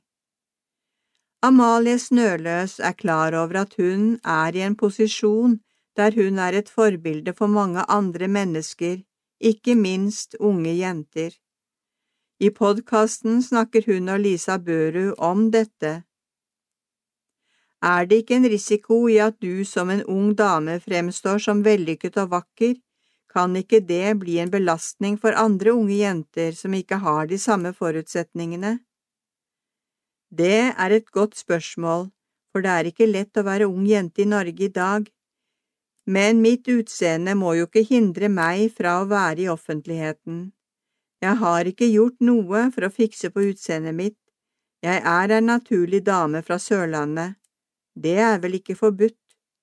Hadde jeg puttet masse Botox inn i ansiktet for å bli vakrere, ville det vært mer grunn til å være kritisk. Men jeg bruker altså ikke Botox, smiler Amalie, som humrer når hun forteller at bestefaren ikke helt har oversikt over produktene som florerer i skjønnhetsbransjen. Han sa at han var så glad for at jeg ikke brukte Butinox. Han er ikke helt oppdatert på feltet, og det er jo helt skjønt, sier hun, og ler godt sammen med lillesøsteren over bestefarens manglende kunnskaper. Som influenser er Amalie en velkommen gjest i mange sammenhenger, ikke minst til arrangementer som samler mye folk.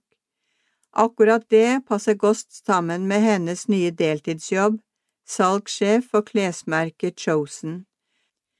Hun har også blitt medeier og styremedlem i bedriften. Når jeg inviteres til ulike arrangementer, kan jeg kle meg i Chosen-klær. På den måten får flere se disse kule plaggene. Det er en av fordelene med at så mange kjenner meg, smiler Amalie.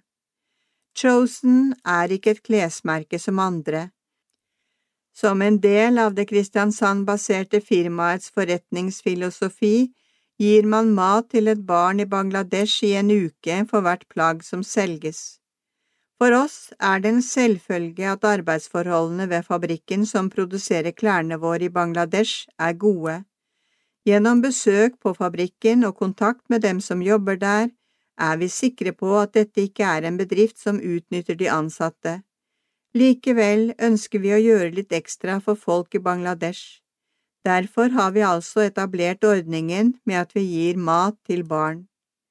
Maten som deles ut, blir fordelt gjennom representanter for Youth with a Mission, som er den internasjonale organisasjonen som Ungdom i oppdrag er en del av. Hvordan kom du i kontakt med Chosen?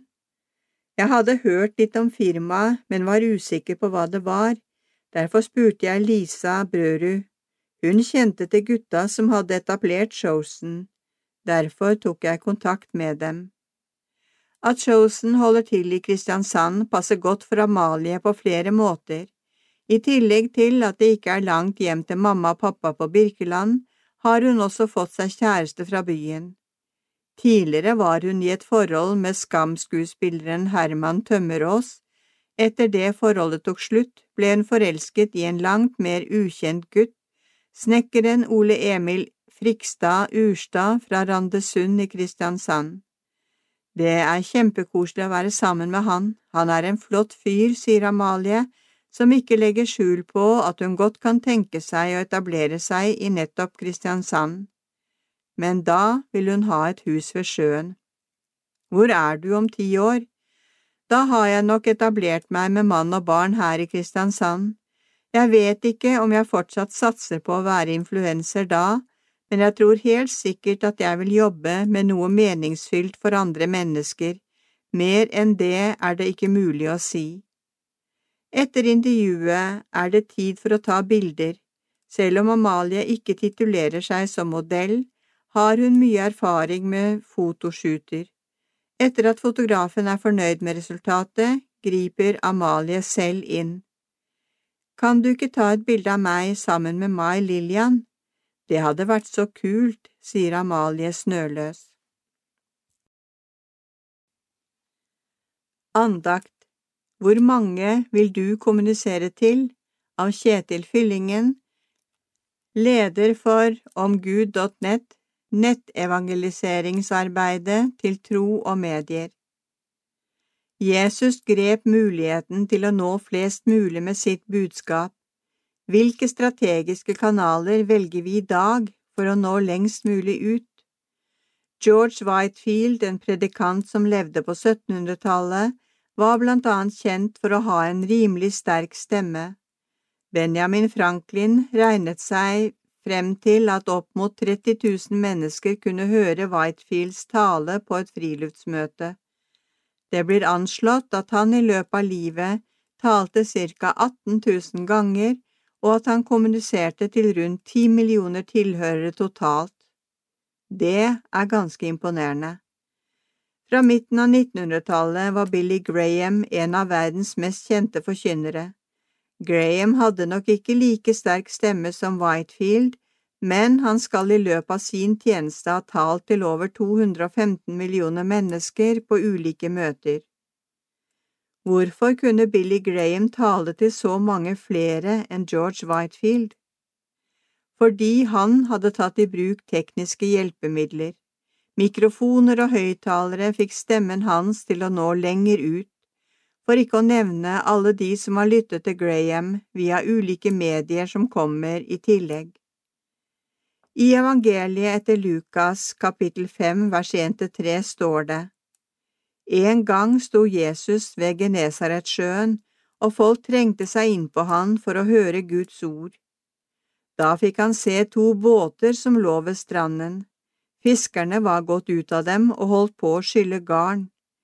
Jesus steg opp i en av båtene, den som tilhørte Simon, og ba han legge litt ut fra land.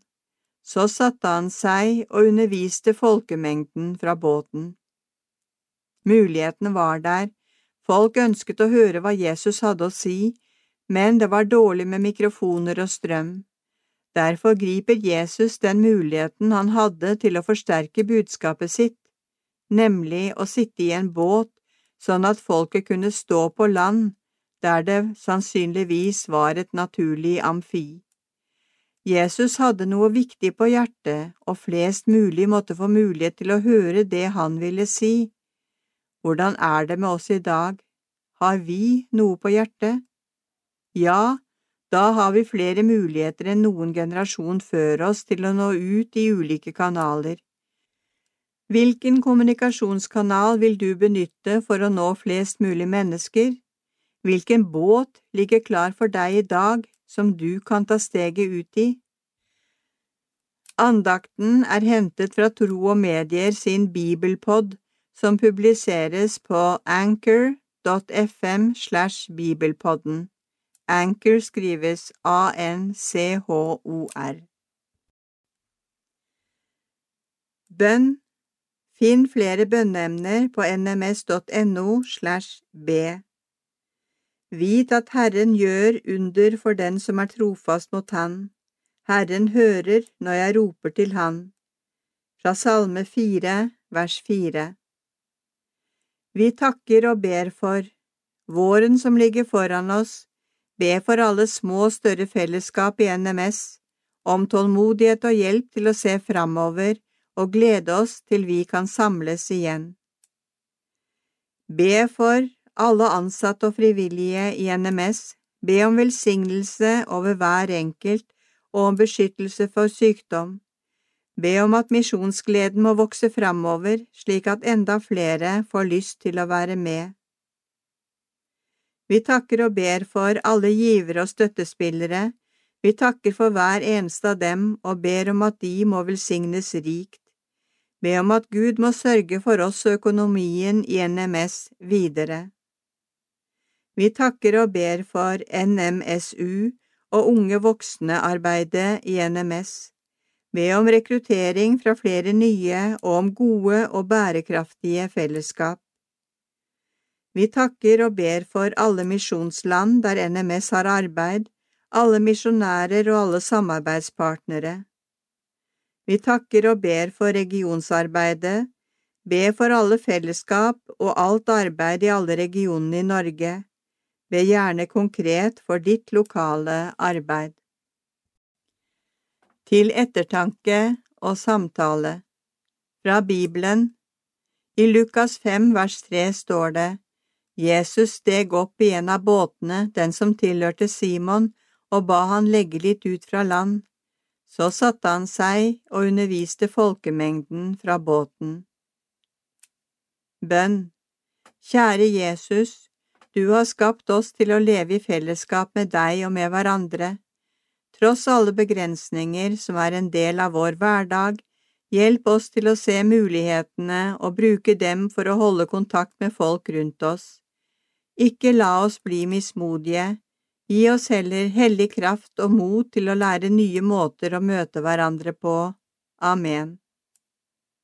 Sang Herre, du har gitt oss kallet fra Norsk salmebok nummer 435. Til samtale Andakten inneholder flere gode samtalespørsmål. 1.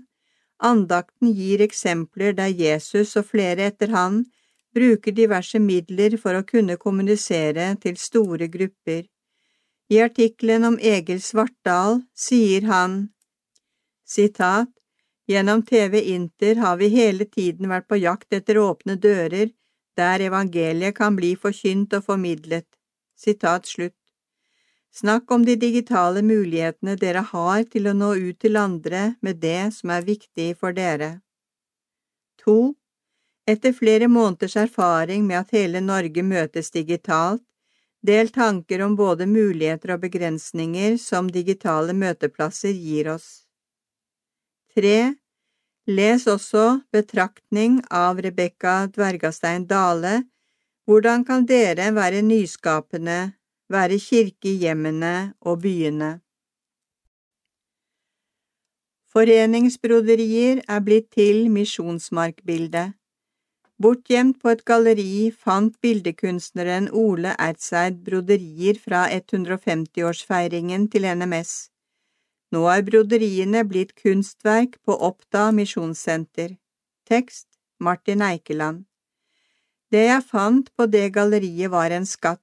Resultatet ser du her, sier Ertseid og viser fram en vegg fylt med håndbroderte strimler han har kalt kunstverket Misjonsmark. Til feiringen av 150-årsjubileet i 1992 ble alle foreningene i NMS bedt om å sende inn en brodert remse. Disse ble sydd sammen og dannet en fargerik ramme rundt den store festen. Etter feiringen ble foreningsbroderiene fordelt til ulike NMS-eiendommer, deriblant Oppda. Da jeg kom over disse broderiene, mente jeg at de burde komme til heder og verdighet, sier Ertseid, som blant annet har hatt bilde på høstutstillingen. Han er representert i de kongelige samlinger. Etter styret for Oppda misjonssenter hadde gitt klarsignal, var veien fra tanke til handling ikke lang for Erdseid. Remsene hadde ulike farger, men det var en overvekt av fargene rødt og oransje, andre var mer fargeløse og blasse. Da jeg så på mangfoldet av remser, slo det meg at disse ulikhetene fortalte om jordsmonnet på de ulike misjonsmarkene. Noen steder slo evangeliet raskt rot, for meg representerer det de røde og sterke fargene, men det finnes også land hvor det har vist seg at det er vanskelig å nå fram. Dette vises igjen i de nesten hvite broderiene. NMS har arbeidet i ulike jordsmonn, både det som er grøderikt og det som er fattig. Hun vil lære deg fransk. Mamia racontondranaivo kommer mer enn gjerne fra Madagaskar til en dataskjerm nær deg. Tekst Martin Eikeland Den tidligere norske skolen i Ansirabé på Madagaskar er omgjort til kurs- og kompetansesenteret Lovasoa og eies av NMS og Den gassisk-lutherske kirke på Madagaskar, FLM. Senteret tar blant annet imot norske studenter som har praksisopphold i landet, men som følge av koronarestriksjonene kommer det ikke noen norske studenter til senteret for tiden. En stor del av de 55 ansatte bruker derfor kompetansen sin på andre områder. Vi er seks lærere med spesialkunnskap i fransk. Når vi ikke kan undervise studenter ansikt til ansikt her på Lovasoa, kan vi undervise folk gjennom digitale medier, sier Mamia Rakotundranaivo, som er leder for språkavdelingen på Lovasoa. Over natten forsvant mesteparten av inntektene til Lovasoa etter koronarestriksjonene ble innført. Nå tilbys det fransk kurs der du får din egen lærer, som underviser og veileder gjennom Skype-samtaler. Siri Nyen Sandstø, som er blant misjonærene som ble beordret hjem til Norge da koronapandemien brøt ut, har hatt ansvar for kompetanseavdelingen ved Lovasoa. Hun understreker at senteret nå er avhengig av nye inntektskilder for å overleve. Nordmenn som ønsker å få franskundervisning av lærerne på Lovasova, nyter godt av prisforskjellen mellom Norge og Madagaskar. Timeprisen for én-til-én-undervisning er 100 kroner. Hvor er det ellers mulig å få en slik pris, spør Nyen Sandstø. Mamia er ikke i tvil om at fransklærerne på Lovasoa faglig tilfredsstiller kravene til det norske markedet. Vi som er lærere her, har alle vokst opp med fransk som skolespråk. I tillegg snakker vi fransk til daglig. Det betyr at vi har gode franskkunnskaper skriftlig og muntlig, sier hun, og legger til at det allerede er en håndfull nordmenn som får undervisning. I tillegg til at vi kjenner språket vi skal undervise i, har vi som lærere også hatt mye med nordmenn å gjøre. Instruksjonene blir i hovedsak gitt på engelsk, men flere av oss kan også litt norsk, legger hun til. Interessert? Ta kontakt med Siri Nyen på e-post kompetens krøllalfa lovasoa.mg eller på telefon 45 86 61 68 dersom du har spørsmål eller ønsker et uforpliktende tilbud. Filmanbefaling Troverdig film om troskamp I senere tid har antall trosbaserte filmer økt betraktelig. Dette er filmer med tema eller miljø fra en kristen sammenheng, og ofte med et tydelig kristent budskap. Spennvidden er stor, ikke bare i budsjett og filmatisk kvalitet, men også i teologi. Det romantiske dramaet Still Believe gir imidlertid en troverdig skildring av kristentroen i møte med sykdom, lidelse og død. Dette til tross for blandede kritikker der noen peker på enkelte klisjépregede dialoger og lite fokus på sorgprosessen. Filmen er basert på den amerikanske kristne låtskriveren og artisten Jeremy Camp sitt liv med sin første kone, Melissa Lynn. Camp slo gjennom på begynnelsen av 2000-tallet. Han har produsert elleve album, og mange sanger nådde toppen på hitlistene. Vi møter Jeremy som ung kristen college-student og musiker. På en konsert med bandet The Cry møter han Melissa, og det er kjærlighet ved første blikk. Når Melissa får kreft med dårlige odds, utfordres både deres relasjon og tro. De velger likevel å forlove seg og satse på hverandre, og på at Gud skal helbrede Melissa. Underet skjer, de gifter seg og får en kortvarig lykketid før tilbakeslaget. Vi kommer tett på Melissas kamp med sykdommen og hennes tanker om livet og døden. Melissas død fører Jeremy inn i en depresjon og troskrise, hvor han setter spørsmålstegn både ved musikkarrieren og troen. Kan han fortsatt tro på Gud når Melissa ikke ble helbredet? Han kjemper med spørsmålet, og etter to år deler han svaret idet han opptrer med sin nyskrevne låt I Still Believe. Filmens styrke er nettopp at det er en sann og ekte historie om to menneskers livskamp og troskamp da livet ikke ble som de trodde. Filmen går inn i vanskelige spørsmål og gir et ansikt til mange kristne som står midt i den samme kampen. Å tro på Gud i møte med lidelsen, også når bønnesvarene uteblir. Spørsmål til samtale hvordan opplevde du filmen, hva berørte deg sterkest og hvorfor? Hvilke verdier kommer fram i beskrivelsen av Jeremys familie, i forholdet dem imellom og i gudsrelasjonen? Hva inspirerer eller utfordrer deg her? I dagboken skriver Melissa at lidelse kan styrke troen på Gud. Hvordan skildres Melissas tro i løpet av filmen? Originaltittel I Still Believe, sjanger, romantisk drama, musikkfilm, produksjonsår 2020, aldersgrense 9 år, tilgjengelig på viaplay.no med flere. Anbefalt av Ann-Kristin Østerberg, innholdsprodusent i Damaris, Norge. Måltidet MT sin egen kokk, Margit Vea. Margit Vea holder matkurs, har skrevet flere kokebøker og har også egen matspalte i avisen Aftenposten Junior. Hun har et eget matprogram på Matkanalen, holder foredrag om mat og helse og er daglig leder av Margit Vea AS. Du finner mer på margitvea.no.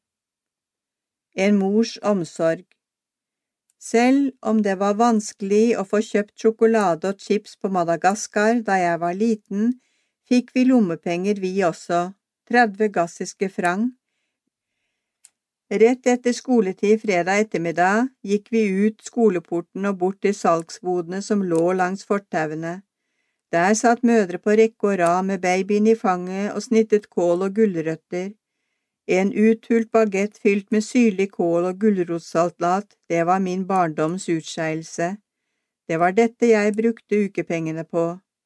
Hjemme fikk vi ikke loff i tide og utide, så det var stas, men hjemme fikk jeg kjenne min mors gode omsorg i et hjemmebakt grovbrød med nylaget italiensk salat. Denne omsorgen har fulgt meg videre i livet. Italiensk salat Du kan lage italiensk salat eller coleslaw uten melk ved å bare bruke majones, eller ved å lage en dressing av to spiseskjeer olivenolje og en spiseskje eddik. Bruk en gulrot, en liten skalk av selleri eller persillerot, cirka halvparten av gulrotmengden, en liten skive kål, et halvt til et eple, ca. to spiseskjeer agurk i biter, to dl majones, to spiseskjeer stivpisket kremfløte eller rømme. Slik gjør du. Skjær eller riv røtter og kål i tynne strimler. Du kan bruke dem rå, eller du kan dampe dem så vidt møre og avkjøle dem helt før du river dem. Skjær eple og agurk i små terninger, Bland alt med majones og stivpisket kremfløte eller rømme. I forrige utgave av MT falt en ingrediens ut fra oppskriften. Julekakene med ingefær og sitron skal ha 100 gram smør. Innleser av MT, Misjonstidene nummer 1 2021, er Gro Tandberg.